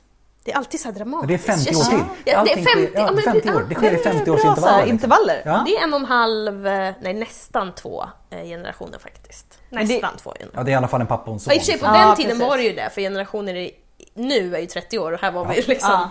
då var vi nästan död. Men det är kanske också ungefär så lång tid det tar att liksom hit, hittat fel, klura ut en lösning, få igenom den. Alltså, ja. Ja. Och lika dramatiskt som jag tänker mig tidigare så kliver ännu en man fram. 461. Statsmannen Efialtes. Han kliver fram framför folkförsamlingen och övertygar den om att stycka upp areopagens makt, som de fortfarande hade, ska vi tillägga, det var inte jättemycket, och fördela den på de här 500 råd. Nu är Och det på folkförsamling. döds, Ja. dödsstöten för areopagen. ja, de blir ju bara någon typ av högsta domstol som provade mord och vissa religiösa frågor. Så har gått från den här totala makten till att bara döma i mordfrågor. Ja. Det är ganska brutalt De- de- fall precis. på inte så lång tid ändå. Nej. Det är, det är ganska nice för att oftast om man tänker modern historia så är det ju faktiskt att vi går från demokrati till diktatur. Men här ser vi ju den motsatta Precis. resan. Å andra sidan det som aristokratin skulle kalla folkets diktatur. Ja, ja, Ja, det, det- beror på också- vilket perspektiv man Ja, har. precis. Men det är lite roligt, det är liksom... Ja, jag är egentligen den förtryckta Are you though? Jo, Precis. absolut. 460 som vi pratade om Yes. är ju alltså det, det året som man som, eller de moderna historiker pekar på att det här är liksom året eller perioden den här radikala atenska demokratin når sin höjdpunkt. Nu händer det! Nu är vi där! Vi är framme. Och sen går det utför. Men det är en annan femma. Det tar vi sen. Vi är där, vi är 461. Ja. Det är fler reformer. Så om vi ska, men precis, om vi, liksom ska, om vi ska stanna där. Men alltså liksom, återigen, nu har de ju förlorat allt. Alltså, Ja. En, enligt sig själva. Ja, de, jo. ju Ja. inte, alltså, de får ju fortfarande vara med och bestämma, alltså, men enligt sig själva har de ju förlorat Jo. allt. Så vad gör man? ja, herregud. man, man, ja. Eh, ja. man gör ju det som man gör, man vill bli av med någon. Ja, man, man är väldigt arg på någon eh, och då tar man livet av den personen. Do not try this at home. Nej. He did. Ja. He did. Effialtes, han ryker som en del i en komplott. Ehm, och hans andra man, den här... eh, Högra handen. Ja, högra handen. Eh, Studenten som har varit, verkat i, inte verkat i skuggorna kanske, men verkat i skuggan av. Eh, är Perikles. Ett ganska välkänt namn eh, som dyker upp och tar över eh, ja, det här som Atens starke man under Ja. mitten av 400-talet. Under den här guldåldern som vi Precis. befinner oss nu för den atenska demokratin. Ja, han, han är ju verksam. Nu, nu pratar vi också militär. Ja. Och han är verksam och det går ganska bra. Som vi säger, guldålder. Han är ju general bland annat under kriget mot Sparta. Ja, och han inför ju då det här med... ja, vi, nä- vi nämnde det, det här med föräldrar. Dubbla medborgarskapet. som Dubbla medborgarskapet. Mm. Och Att du- att annars får du inte vara medborgare. Så att helt plötsligt så förlorar jättemånga människor sitt medborgarskap. Dels. Och dels eh, Cleisthenes skulle inte ens ha fått vara medborgare. Mm. Nej. Om vi nu ska vara sådana. Precis, du behöver alltså ha en pappa och en mamma som är medborgare vilket gör att man bötfäller män som gifter sig Ja. med icke-atenska Så att han kvinnor. tar ju lite, alltså enligt historiska källor så tycker ju de att han håller på att ta död på demokratin. Han inför ju också lite så här grejer för de fattiga och sådär också, så att de gillar honom inte på två sätt. Ja. Det finns liksom, du gör för mycket för dem och samtidigt tar du död på demokratin. Och, och det är ju för att eh, om, när den här gruppen medborgare minskas eh, så finns det ju inte tillräckligt många, många för att hålla det här systemet igång. För det här är ju ett väldigt krävande system i mängden personer. Och man är 6000 har man varit Ja, i den här folkförsamlingen. Och det är ju väldigt många människor. Eh, och det är klart att blir det färre och färre och färre så, så kommer det här till slut leda till att det lite imploderar. Men anyway, han... eh, guldålder anyway, oavsett. Ja. Det börjar en nedåtgående trend efter. Eh, han låter även, vad heter det, commission? Han låter även Han låter det, han, han, han, bygga Parthenon-templet. Ja. Eh, Det är, det är en del i ett stort byggprogram på eh, Akropolis Det är ju enormt. Alltså Ja. det här är... Eh, men sen dör ju han, men han blir inte mördad. Nej, Utan han dör faktiskt i den atenska pesten och det, han dör år 429. Spoiler! vi får återkomma till det som sagt var. Spoiler! Vi kommer faktiskt ha ett avsnitt om det. Ja, stay tuned for that. Yes.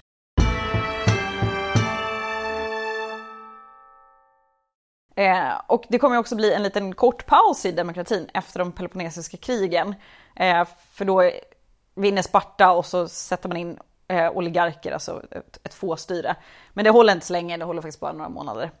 Eh, Nu är vi alltså sent 400-tal. Precis. Snart kommer vi in 300-tal. Det är liksom precis på Ja. gränsen mellan 400-talet och Precis. 300-talet. Eh, och så har vi ju, ska vi nämna i förbifarten, Sokrates som väldigt många säkert känner igen, som en filosof. Han tar sitt liv slash blir dömd, dömd till döden. Och det här är år 399 före vår tidräkning. Eh, och det här kommer ju sen Platon, eh, som skriver en hel del om demokrati, han kommer skylla Sokrates död på det demokratiska statsskicket. Eh, och han var inte så, ja han tyckte inte så jättemycket om demokrati. Och där, nej men det, och så, det, precis, dels är han som sagt var, precis som Aristoteles, kanske inte riktigt det lägre samhällsskiktet. Nej, nej. Eh, så sett. Och sen också så får man liksom, om man ska kontextualisera det så får man tänka att ja, men, nu har Athena dels har, de har förlorat kriget mot Sparta. Ja. De har blivit av med sin demokrati för att Sparta har tyckt att ja, men, okej, nu har ni blivit besegrade. Nu ska vi inrätta ett styre av oligarker istället. Och sen så återtar atenarna sin demokrati och säger men vi kastar ut oligarkerna och så återupprättar vi demokratin. Det blir liksom den här, eh, lite grann som efter franska revolutionen, att det blir liksom det här det bara spär på alltihopa. Det blir det här liksom ytterligare radikala att nej, men nu ska vi liksom demokratin verkligen säkras. På Det något blir, sätt. blir lite en hetsstämning ja, helt och man enkelt. går efter precis allt och alla som har någonsin sagt någonting negativt om Precis, demokratin. Sokrates är ju självklart inte den enda som dör i den här perioden men Nej. han är ju en, en person som vi de flesta av oss känner till. Han blir anklagad för ogudaktighet. och att förleda. Förleda ungdomarna. Fördärvar ungdomen. Precis. Men! Döden för demokratin i Aten.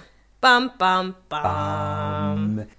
Kommer 338 med Filip den andre. Som, Al- Alexander den store. yes, Ja. som vinner över Aten Ja, i ett Ja. slag. ja, Ja. Och, 338 sa vi. och sen är det ju kungar ja, till romarna kommer. Makedonerna styr. precis. Alexander och hans enorma fälttåg och erövringar och, Och sen hans närmsta män som Mm. efter hans död. delar upp hans rike. Och sen har vi romarna. Sen kommer romarna. Det är, och det dröjer ju 300 år, ish. Ja, men precis däremellan som sagt då. Eller ja, inte så länge kanske. 200. Ish. Men, men ja, jo i och för sig. I och för sig. Ja. för att ändå vara så, ett så radikalt nytt sätt att styra i förhållande till många andra kulturer som om, är, finns runt omkring eh, Aten som ändå atenarna har kontakt med så höll det hyfsat länge, får man ju säga. Ja, ja. Ja, alltså om vi, om vi räknar från Solon så är det ju nästan, ja, men det är nästan 300 år. Precis, Inte så att, eh, det är inte för pjåkigt. Nej. Nej. Eh, Det är som om någonting, säg att någonting skulle försvinna idag. Då har det funnits sedan 1720. Precis.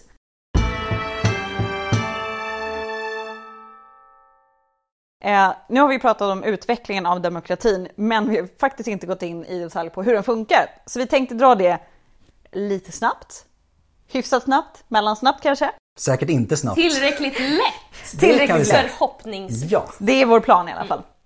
Eh, och vi tänker fokusera på eh, tre eh, huvudsakliga delar av det här systemet. Ja. Eh, och det första var folkförsamlingen, som jag nämnt innan, som i vissa fall uppgick till 6 000 personer. Det här är ändå en enorm mängd Jo. människor som samlas. det verkar vara max. Det, det nämns lite här och där att det verkar vara liksom fullt hus. Ja, 6 000 det är, precis. Då är det lite hus. trångt. Så han räcker upp handen. Ja. Ja, precis. Lite mörkt, jag ser inte. Det är inte coronaavstånd där. Nej, Nej. det är tätt. Så det är folkförsamlingen, så är det här 500 råd som vi också har nämnt. Eh, och sen så är det ämbetsmännen som vi kommer att prata lite närmare om. Ska vi börja med folkförsamlingen då? Jag tycker det. För den, den har ju existerat nu sedan Solon åtminstone. Och har liksom sett mer eller mindre likadan ut vad det verkar som under den här perioden som ändå demokratin har utvecklats. Men det är liksom de centrala händelserna i demokratin som sker i folkförsamlingen. Ehm, som vi nämnt, församlingens medlemmar de var inte valda. Alla deltog med rätt när de önskade. Det var liksom fritt för vem som helst så länge man var över 20 och manlig eh, atensk medborgare. Det var att dyka upp. Och det var liksom också lite av en skyldighet att göra det. Det var tabut var liksom att inte dyka upp. Ja. Eh, lite så. Kunde man så skulle man. Och det är ju eh, så här krasst, för att få ihop så många människor måste ju folk engagera sig. Annars så faller ju systemet. Ja. Men det är också alltså det är ju enda sättet till inflytande och speciellt om du är fattig, så som du blir känd i folkförsamlingen, alla är med liksom. It's your one chance. Kan vi inte ta Adams etymologihörna här nu då? Ja men precis. Den är, jag, här- jag tycker det här är kul. Jag älskar Ja. Jag gillar ord. Ord är roliga. Eh, ordet idiot, som vi alla säkert vet vad det betyder för någonting idag. Vi använder det nog ganska ofta också. Ja, De flesta av oss. ehm, det kommer från grekiskans idios. Och det är motsatsen till det publika. Det är ett adjektiv som helt enkelt beskriver motsatsen till ja, publik verksamhet. Grovt översatt så är det liksom det privata, det egna. Det är inte det som är det offentliga utan det är det som är det egna. En idiotes, det var då alltså en person som såg enbart till sitt egna och inte deltog i det publika livet. Och man kan då tänka sig liksom att den negativa betydelsen som vi har av ordet idag. Eh, för att det ordet det, är sen, det blir ett låneord i latinet och då betyder det precis så som det betyder för oss idag. Eh, att det kommer just från det här tabut i Aten kring att liksom inte delta i politiken. Utan att man, man ser enbart till sitt eget bästa och inte till statens. Man vill inte vara med. Det var en idiotes. Och det här tyder ju ändå på att även om aristokratin generellt sett har varit missnöjd till det här nya styret så kan ju inte folket i övrigt ha varit det. För då borde det inte ha fått de här konnotationerna som det här ordet fick. Folkförsamlingen då, den hade fyra huvudsakliga funktioner. Eh, dels så man, man utfärdar liksom de här ja, lag, lagstadgande deklarationer, liksom, dekret. Man utfärdar dekret. Man förklarar krig eller man liksom ut, utger eller eh, det, delar ut medborgarskap till en person som saknar. Eh, man utser vissa av tjänstemännen, eh, ämbetsmännen. Man förklarar lagar, röstar om lagar och man prövar vissa politiska brott. Det är ganska mycket makt. Det är, det är väldigt mycket. Eh, Och allt eftersom systemet utvecklas under den här perioden vi har pratat om så skiftar det här med att, att pröva brotten, politiska brotten, eh, den funktionen skiftar sen till domstolarna. Det här sker mot slutet, alltså 350-talet ungefär. Men den funktionen kommer sen flyttas över. Blir lite mer ett eget system. Precis. Men om man ändå liksom håller sig kvar vid just liksom, om vi tänker Perikles och Atens guldålder på Precis, 400-talet. Då finns det nästan ingen gräns på liksom vad Nej. folkförsamlingen har för Nej. typ av mandat. Verkligen. Jaha, hur gör man då? Ja, Jo. precis. Hur röstar man Hur, hur röstar vi? folkförsamlingen? Eller de, vi. Ja, precis. Hur röstade? Hur Hur röstade? röstade de? Alltså det är så lätt att bara slänga in på så här, ja men så gör de. Mm. Ja. det är två och ett halvt tusen år sedan men eh, okej. Ja, så det man gör det är att en eller fler som är, som är närvarande, de talar för eller emot en fråga. Så det är basically en debatt. Ja. Man Mer- framför ett Man framför ja, väl för, eller utfört tal. emot, för eller emot en fråga. Eh, antingen bara det eller så kan man säkert ha någon typ av debatt också. Och sen röstar man. Det fanns liksom inga politiska partier, det fanns inga eh, regeringar, inga op- oppositioner. Det är klart att det kan uppstå falanger som tycker liknande och höll sig ihop, men eh, det är inte ett sånt system som vi skulle känna igen idag, utan det är upp till dig vad du tycker när du ska rösta. Och du kan tycka en sak i en fråga och en sak i en helt annan fråga utan att behöva förhålla dig till den som står bredvid. Ja, enkel majoritetsröstning, rakt upp och ner. Ja. Yes, no, ja, nej. Eh, Bu eller bä. Och det här eh, sker, alltså folkförsamlingen samlas på en kulle i centrala Aten som heter Pnyx. Eh, som har utsikt över Akropolis, det här stora, som kommer bli stora tempelområdet. Eh, och det här benämningen på kullen eh, kommer från eh, pyknos, eh, som på, betyder då tätt eller tjockt. Så det var, det var helt enkelt väldigt trångt när man stod där. Eh, och det var mycket folk som var där. Som vi nämnde så 6000 personer verkar vara fullt hus. Ja, precis. Då, då, är, då är det liksom fullt. Och de som har varit jag menar Pnyx finns ju kvar och jag menar, området finns ju kvar där man stod framför talarplattformen. Talarplattformen Bema eh, som den hette. Eh, och det är inte jättestort. Områden? Nej, det är inte Nej. jättestort. Så jag menar 6000 personer på den ytan. Det är fruktansvärt mycket folk. Och i vissa fall så krävdes det att det skulle vara så många närvarande. Till exempel om man skulle utdela medborgarskap. Mm. De var, vi har ju nämnt att de var restriktiva med det. Men det liksom räcker inte med en handfull. Nej. Det behöver vara mycket folk där för att det här ska kunna gå igenom. Och precis som med ostracismen då så försäkrade man sig verkligen om att det skulle bli rätt. Precis, det, det, det är inte som att vi bestämmer en lag med grovt Nej. eh, uppskattade Nej. handuppräckningar här inte, utan ska du ha ditt medborgarskap, då Ja, jäklar. då är det noga. Ja. Då är det vita eller svarta stenar Mm. för ja eller nej på eh, medborgarskap. Mm. Det är lite som Svenska Akademin gör. eh, På vissa av deras omröstningar ska de ha vita eller svarta bollar. Oh. Stenar är roligare. Stenar är roligare i och för sig. Men, Det är mer men det är svart och vitt är, är Ja. lite så Japp. talande. Lite närmare jorden. Liksom. Ja, Men det är så intressant att medborgarskapet är strängare Mm. vid omröstningsräkningen än ett lagförslag som ska passera eller inte. Eller Det- att- det eller att visar ju förklara på- krig. Ja, eller att förklara krig. Ja. Exakt, eller att förklara krig. Det, det visar ju hur hårt de såg på det här medborgarskapet. Ja. Det var verkligen centralt. I allting vi har pratat om är ju medborgarskapet Och det centralt. är ganska intressant ändå. Ja, Ja, verkligen. i hela- verkligen. Eh, och det, du måste ju närvara för att... Ja. Det fanns ju ingen poströst här. Nej. För att få rösta behöver du infinna dig. Du kunde inte skicka din slav med en vit Nej. sten. Nej. Eh, Nej. Eh, och det här kräver ju också att man... Man måste ju ha lite koll på vad som kommer hända. Du måste ha koll på vad som händer i det politiska livet. För ha, finns det en fråga du faktiskt är intresserad av, då behöver du ju infinna dig. Du Ja. behöver ju vara på plats. Vilket betyder att du måste ju ha haft koll på hur det såg ut. Vad var det för vindar som blåste? Annars kunde du missa. Och hur kunde man se till då? Jo, du, alltså, du kunde ju hålla dig uppdaterad i kalendern. För att det fanns fasta mötestider eh, per år. Tio stycken under 400-talet, under liksom guldålderstiden. Eh, tio fasta församling, församlingstider och där alla samlades. Och det var en per månad för de hade tio månader.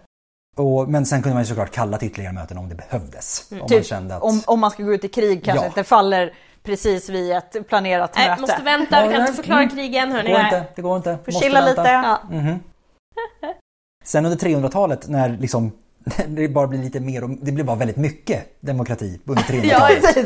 De Liksom- maxar verkligen. Ja, verkligen. Jag menar, det finns, jag menar, allting är på plats redan under som sagt var 400-talet som vi nämnde tidigare. Men allting bara maxas under 300-talet. Så att nu är, det, nu är det fyra per månad istället för en per månad utav de fasta Så 40 per år. mötestiderna. Nu är det, nu är det ett jobbjobb alltså. Ja. 40 möten per år. det, ibland hade det ju, det här skulle då liksom passas in i kalendern och beroende på när det var olika religiösa festivaler, antagligen också hur det såg ut med, med skördeperioder. Eh, så att det, ibland kunde det bli så att de här fyra som skulle vara en månad var, det är mot slutet. Ja. Eh, nu får vi klämma in dem. Fatta fyra dagar i rad. Ja, herregud. Och Det måste ju ha varit ganska det många strimningsfall. Det måste ju det, det ackumuleras ju Ja. verkligen. Tänk om man står 6000 pers där, det måste ju vara folk som liksom svimma, fick slaganfall. Fatta att stå i mitten och bli kissnödig. Ja, men vad gör, ja, det är ju bara... Jag bara Ja, antar, ja, att, ja, de, ja, jag ja. antar att de tar en amfora och bara kissar rakt upp och Eller ner. bara, ja, jag tror Eller bara, bara- jag, bara tror bara jag kör på bara. Se till att du inte tar någons sandal liksom. Whoops! Fattar Undrar ni? om man skriker bara nu ska jag kissa. Ja. Tänk dig under off. pesten. Oj, Oh. ur, ja, ur smi- Tegnell hade inte gillat det här Nej. upplägget. Nej. Tegne- Klart emot. Tegnellikles. Han hade varit klart emot det här. Ja. Nej men förstå lukten. Ja. ja. Svettig, mass, 6000 Svett, svettiga... urin. Ja. Tänk, men du, tänk om man blir... Okej nu, Vad ska du säga nu för någonting? kissnödig men då kan ju du i alla fall lätta på trycket. Förstå nummer två. Ja. ja. Är bara if you have to go, you have to Då go. måste man ju tränga sig ut och hänga över kanten eller något på berget. I don't know. Det beror på Så var du igen, stod. Var står du, vad gör du om du står- i mitten? 6000 personer står i mitten. Bara skita i brallan. Men du, har man slavarna i närheten eller? Och då ska de göra nummer två Ropa åt på dig. slaven, kom hit med den där jäkla amforan! Det beror väl på Och så hur kommer många slavar du har, om du har en mitten. eller Och så inte. kommer stackars slav med den här amforan och jobbar sig fram genom, ursäkta, ursäkta, ursäkta, ursäkta, ursäkta, ursäkta, ursäkta. Men man borde ju testa, trycka in 6000 efter corona och se hur trångt är det. Det vore lite kul. Går det att få in en slav med en amfora där för att skita den, i? yt- på den ytan ja. Ja. Ja, ja. Vi måste ju, när vi ändå nam- nämnt slavar och hela den här biten, vi måste nämna, det är ju inte heller alltid frivilligt att närvara. Nej, nej, nej. Det är ju lite kul ändå. Till, till slut blir det ju ändå så här, det är bara infinn dig. Eh, och särskilt under 400-talet så hade man en ganska rolig lösning på det här.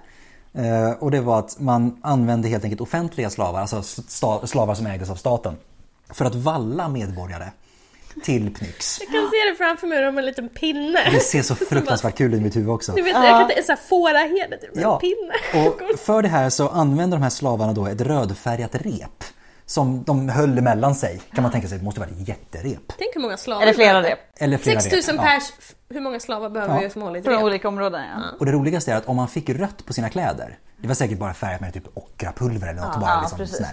Ehm, så fick man böter om man hade rött på sina kläder. Ja. Vilket betyder att man hade alltså försökt komma undan sin...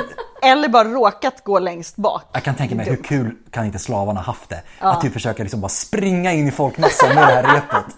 Och säga nu är det dags hörni, skynda, skynda, Ja, skynda, jag skulle gjort det. vi." Lätt.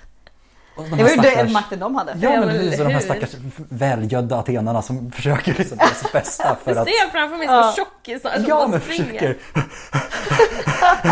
Som ändå är från- 35 och halvdöda. Ja, precis. Det är ett hårt liv. Kom- Kommer ni ihåg att vi nämnde att Sparta hade ju vunnit över Aten och i några månader så körde de en oligarki där Ja, istället. Och efter att demokratin återinförs, alltså 403 eh, för vår tideräkning, så vill man ju liksom boosta demokratin igen. Så man inför en typ av lön Det för är att inga delta. röda rep nu, inte med böter utan det är tvärtom. Nej, nu är det liksom morot istället för piskan. Vilket gör ju att det blir ju ännu roligare att vara med. Eh, så här ska man ju då vara först på plats, för efter 6000 släpper man inte in fler folk. Nej. Eh, och då använder man röda repet igen, fast tvärtom. Att man Håller de som kommer sent borta. Eh, så då, om du hade rött på kläderna, då var du sen till din demokratiska plikt. Och du fick fortfarande böter. Precis. Rött på Ja, kläderna, det är böter.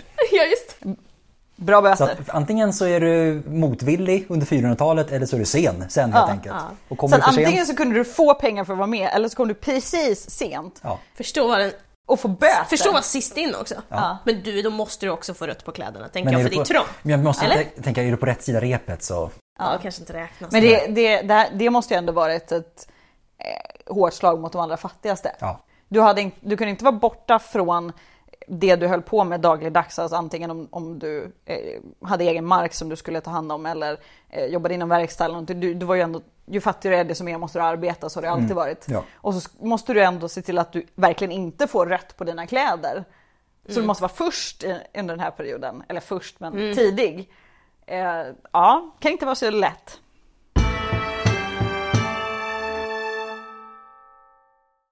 Så det var alltså ändå Det är folkförsamlingen. folkförsamlingen. Folkförsamling! Ja. Great. Ska vi gå vidare till, Ja, jag tycker det. Vi går vidare. till de 500 eller 500 vad heter det ens en gång? 500 råd? Ja, Ja. Ja, herregud. Eller? Jag, Jo. ja, Det ja. låter fel när jag säger det men det Nej, kanske det är rätt. de 500 råd. Ja.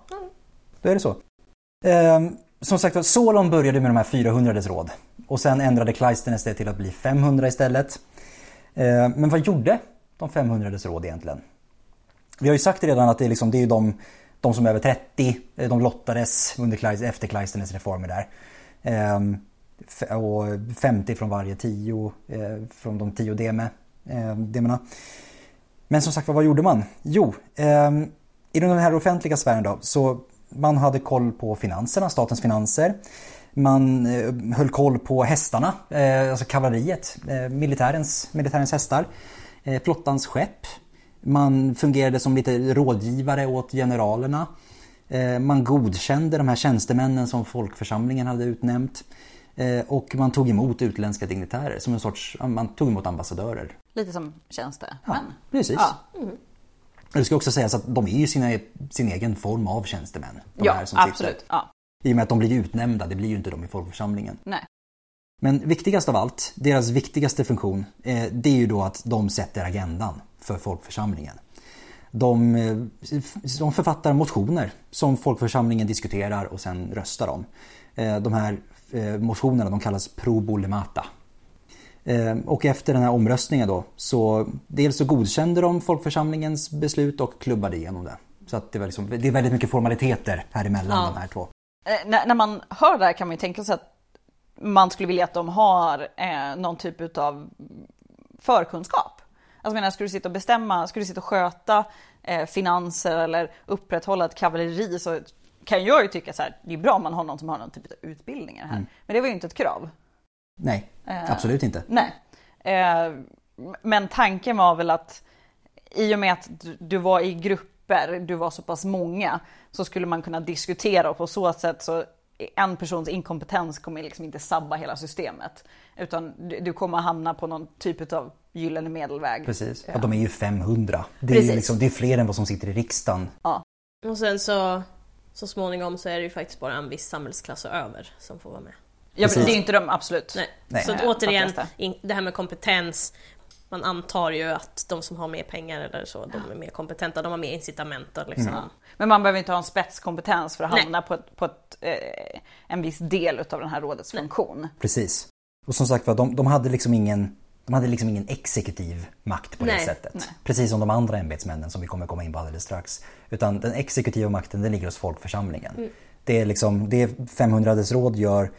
De, de sätter agendan och de godkänner en massa saker. Det är väldigt mycket, väldigt mycket byråkrati. Precis, i det är 500 mycket rådet. administration men de kan ju inte ta så mycket egna initiativ. Nej. Som sagt det de kan göra det är att sätta agendan. De kan Ja, bestämma precis, vad det som... kan de göra. Det kan de göra. Mm.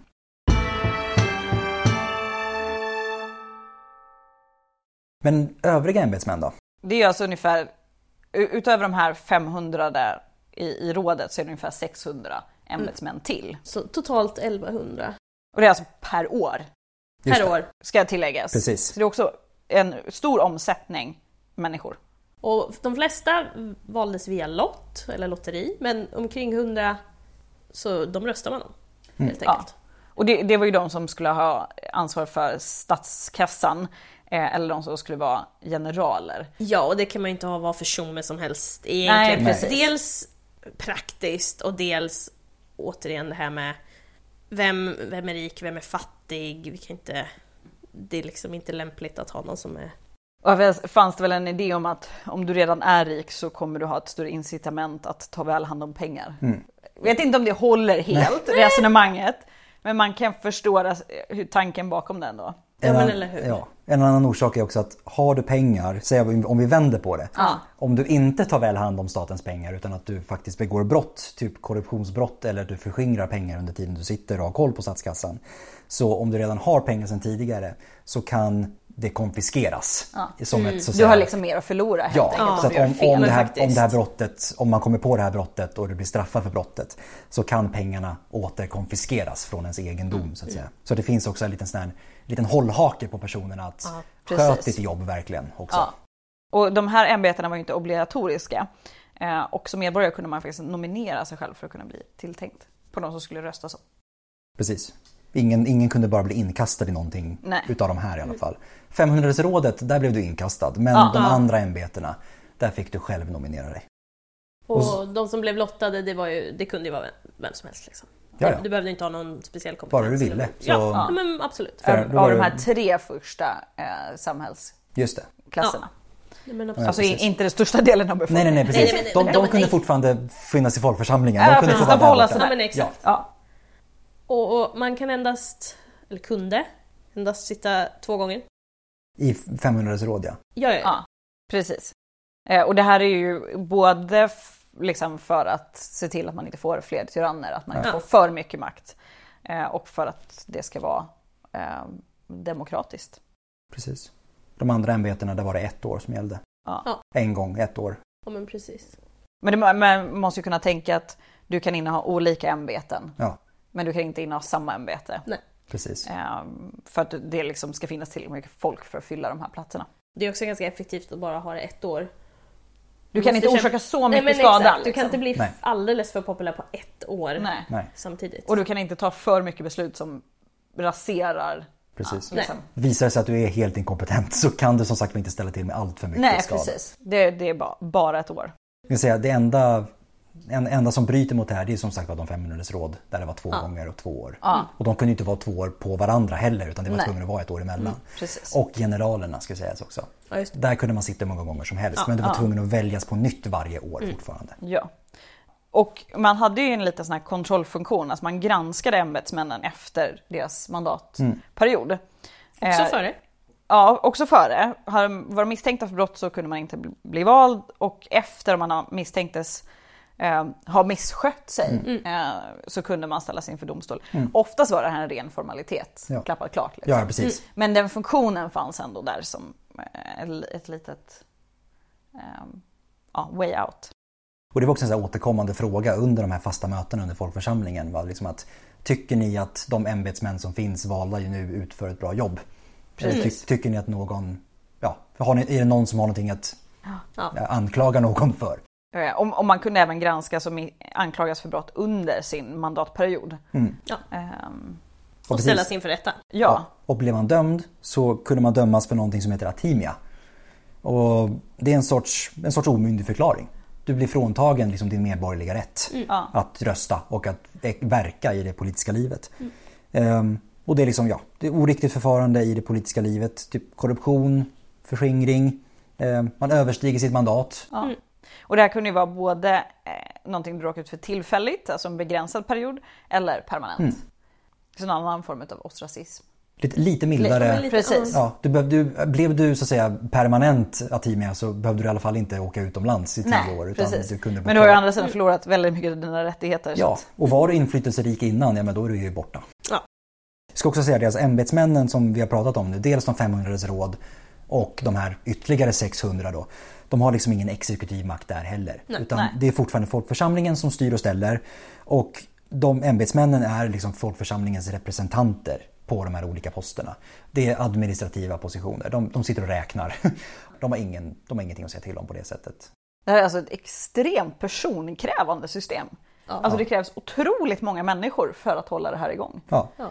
Eh, Och då är vi ändå som mest uppe i 20-30% precis. av hela befolkningen.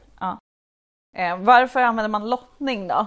Eh, det ansågs som det mest eh, rättvisa systemet. Man kunde inte köpa. Jag kan Nej. inte gå och köpa din röst Adam eller din röst Emily utan det precis. lottas. Har jag Ja. tur har jag Ja, tur. precis. Eller otur. Våra röster finns inte. Nej, Det precis. ja. Nej. Ehm, och och ja, det här var ju, ja, skulle ju vara också eh, ett skydd mot att någon får för mycket makt. Att vi å- återgår till en form av oligarki eller tyranni. Och att alla skulle få Lika stor chans. chans Precis. att faktiskt vara med och bestämma. Precis. I någon form. Ja. Och som vi nämnde så, alltså lottas det så är det klart att du kan ju få en riktigt inkompetent typ. Någon, på- som, någon som tror att han är jätteduktig på någonting och tänker att ja, men jag kommer göra det här Ja. jättebra. Jag nominerar mig till det här. Och sen visar det sig att nej, jag har ju verkligen ingen aning om Nej, det. ja. eller någon som är, inte vet jag, konstant full. Ja, men, Alltså ja, så. men herregud ja. ja.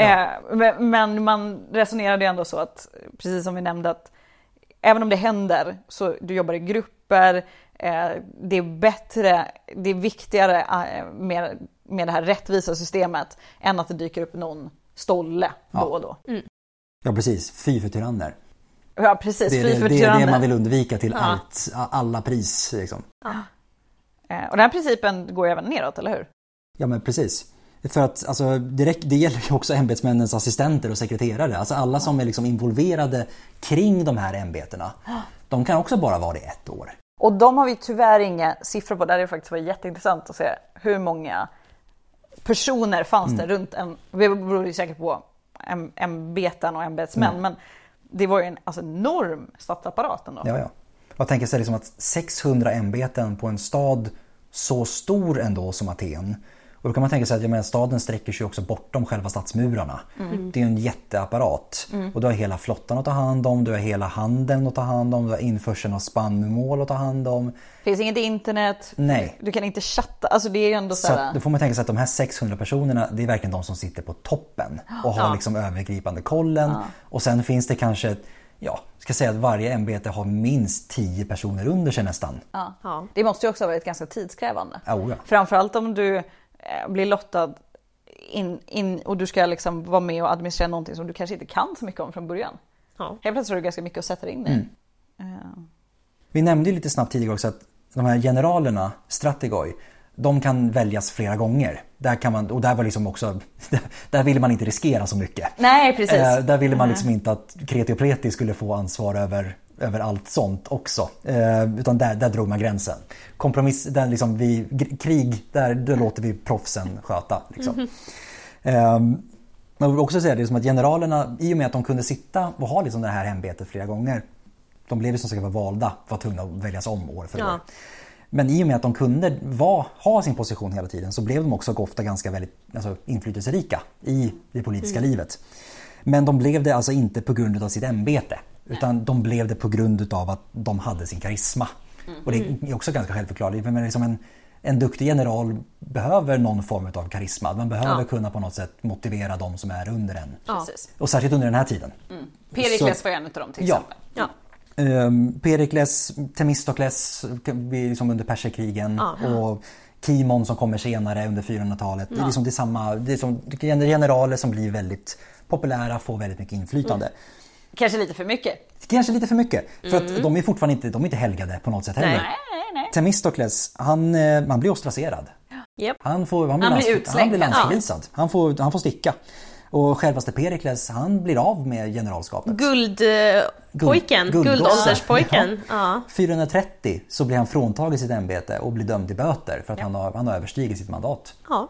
Men de här generalerna, de, så vi lite var inne på, nämns ju inte, eller val, väljs inte bara för att de är väldigt duktiga eh, militära strateger. Nej. Utan de ska också ha erfarenhet av världen och världen utanför. De ska ha kontakter utanför. Så man, det bakar man in i den här personen. Du ska liksom inte bara förstå hur du ska förflytta trupper, eh, hur ett krig kan gå, utan du ska eh, kanske lite ehm, herregud, vad heter det man, det är de som eh, åker till ett annat land och företräder sitt land. Jag har helt tappat det. Ambassadör. Tack!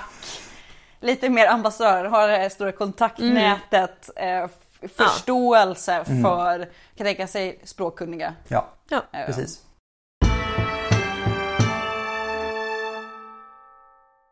Hur vet vi allt det här då kan ni kanske tänka? Eh, jo men från Aten har vi som vi nämnt ganska mycket material, väldigt mycket skrivet material har vi. Vi har ju också de här eh, till ostrakon som vi pratade om, krukskärvorna. Eh, men det är ju framförallt det skrivna materialet som är, är viktigt när man pratar om statsskick. Eh, och de som var skrivkunniga var ju de övre samhällsskikten, alltså oftast aristokraterna. Och vad tyckte de om det här systemet? Det, det, det vet vi ju. Det vet sagt vi De var ju skeptiska eller till och med rent fientligt till det. 300 år av skepsis. Precis. Och fruktansvärt negativ utsyn på tillvaron. Ja, det var ju, det var ju synd om dem. Ja, herregud ja. De hade ju blivit fattiga. ja, ja för tusan. Och de tycker ju inte att de fattiga var lika bra eller kanske till och med lika mycket värda. Det går liksom inte. själva. Blir man född fattig så Ja. Du får se till att födas hos en Ja. rik familj precis. Hur vågar du liksom Precis. kräva skulle, något? skulle du tänkt på innan du blev fattig, herregud. Innan du blev född, hallå? Ja. Och det, det, det speglar ju verkligen eh, det- materialet. Ja. Ja, ja. Eh, ja, för vi har ju några nissar. Ja, det är ett bra ord, jag gillar ordet. bra ord. Eh, som har skrivit om det här då.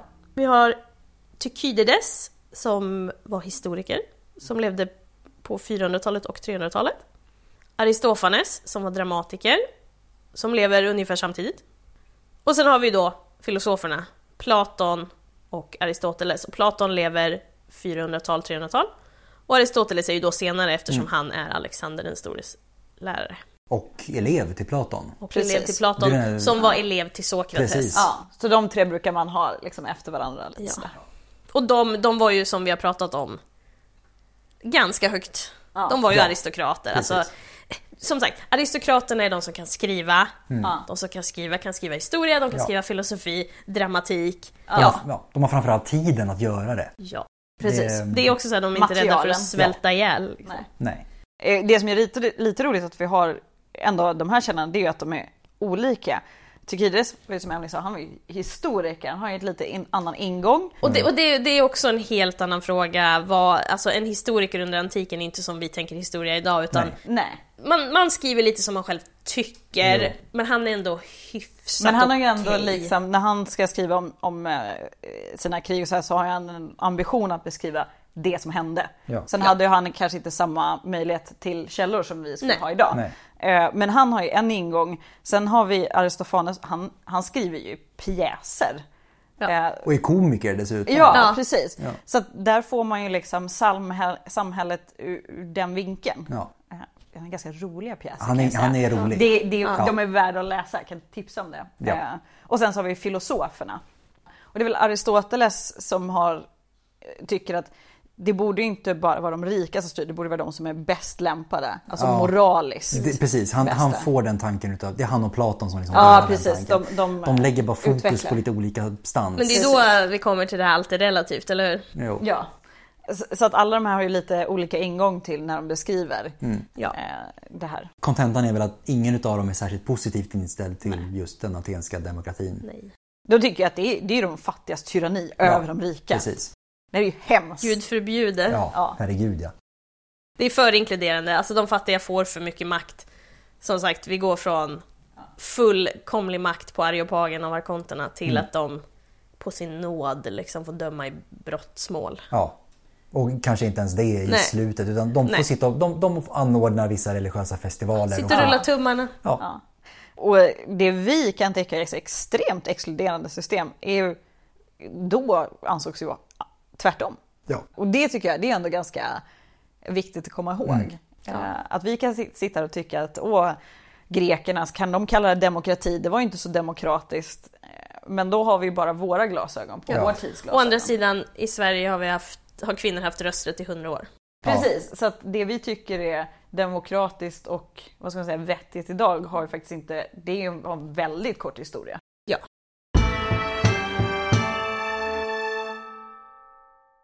Nu är vi äntligen We did it! klara Ja. och har ni hållit, alltså, hållit ut så är f- alltså, en applåd till er. Ja, bra jobbat. Eh, wow, det är knappt att vi har hållit ut.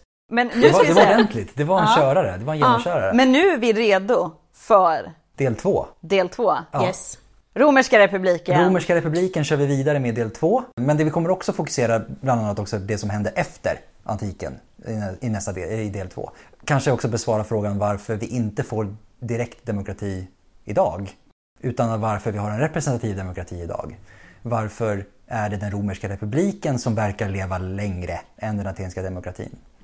Det tar vi i del, del två. två. På återhörande.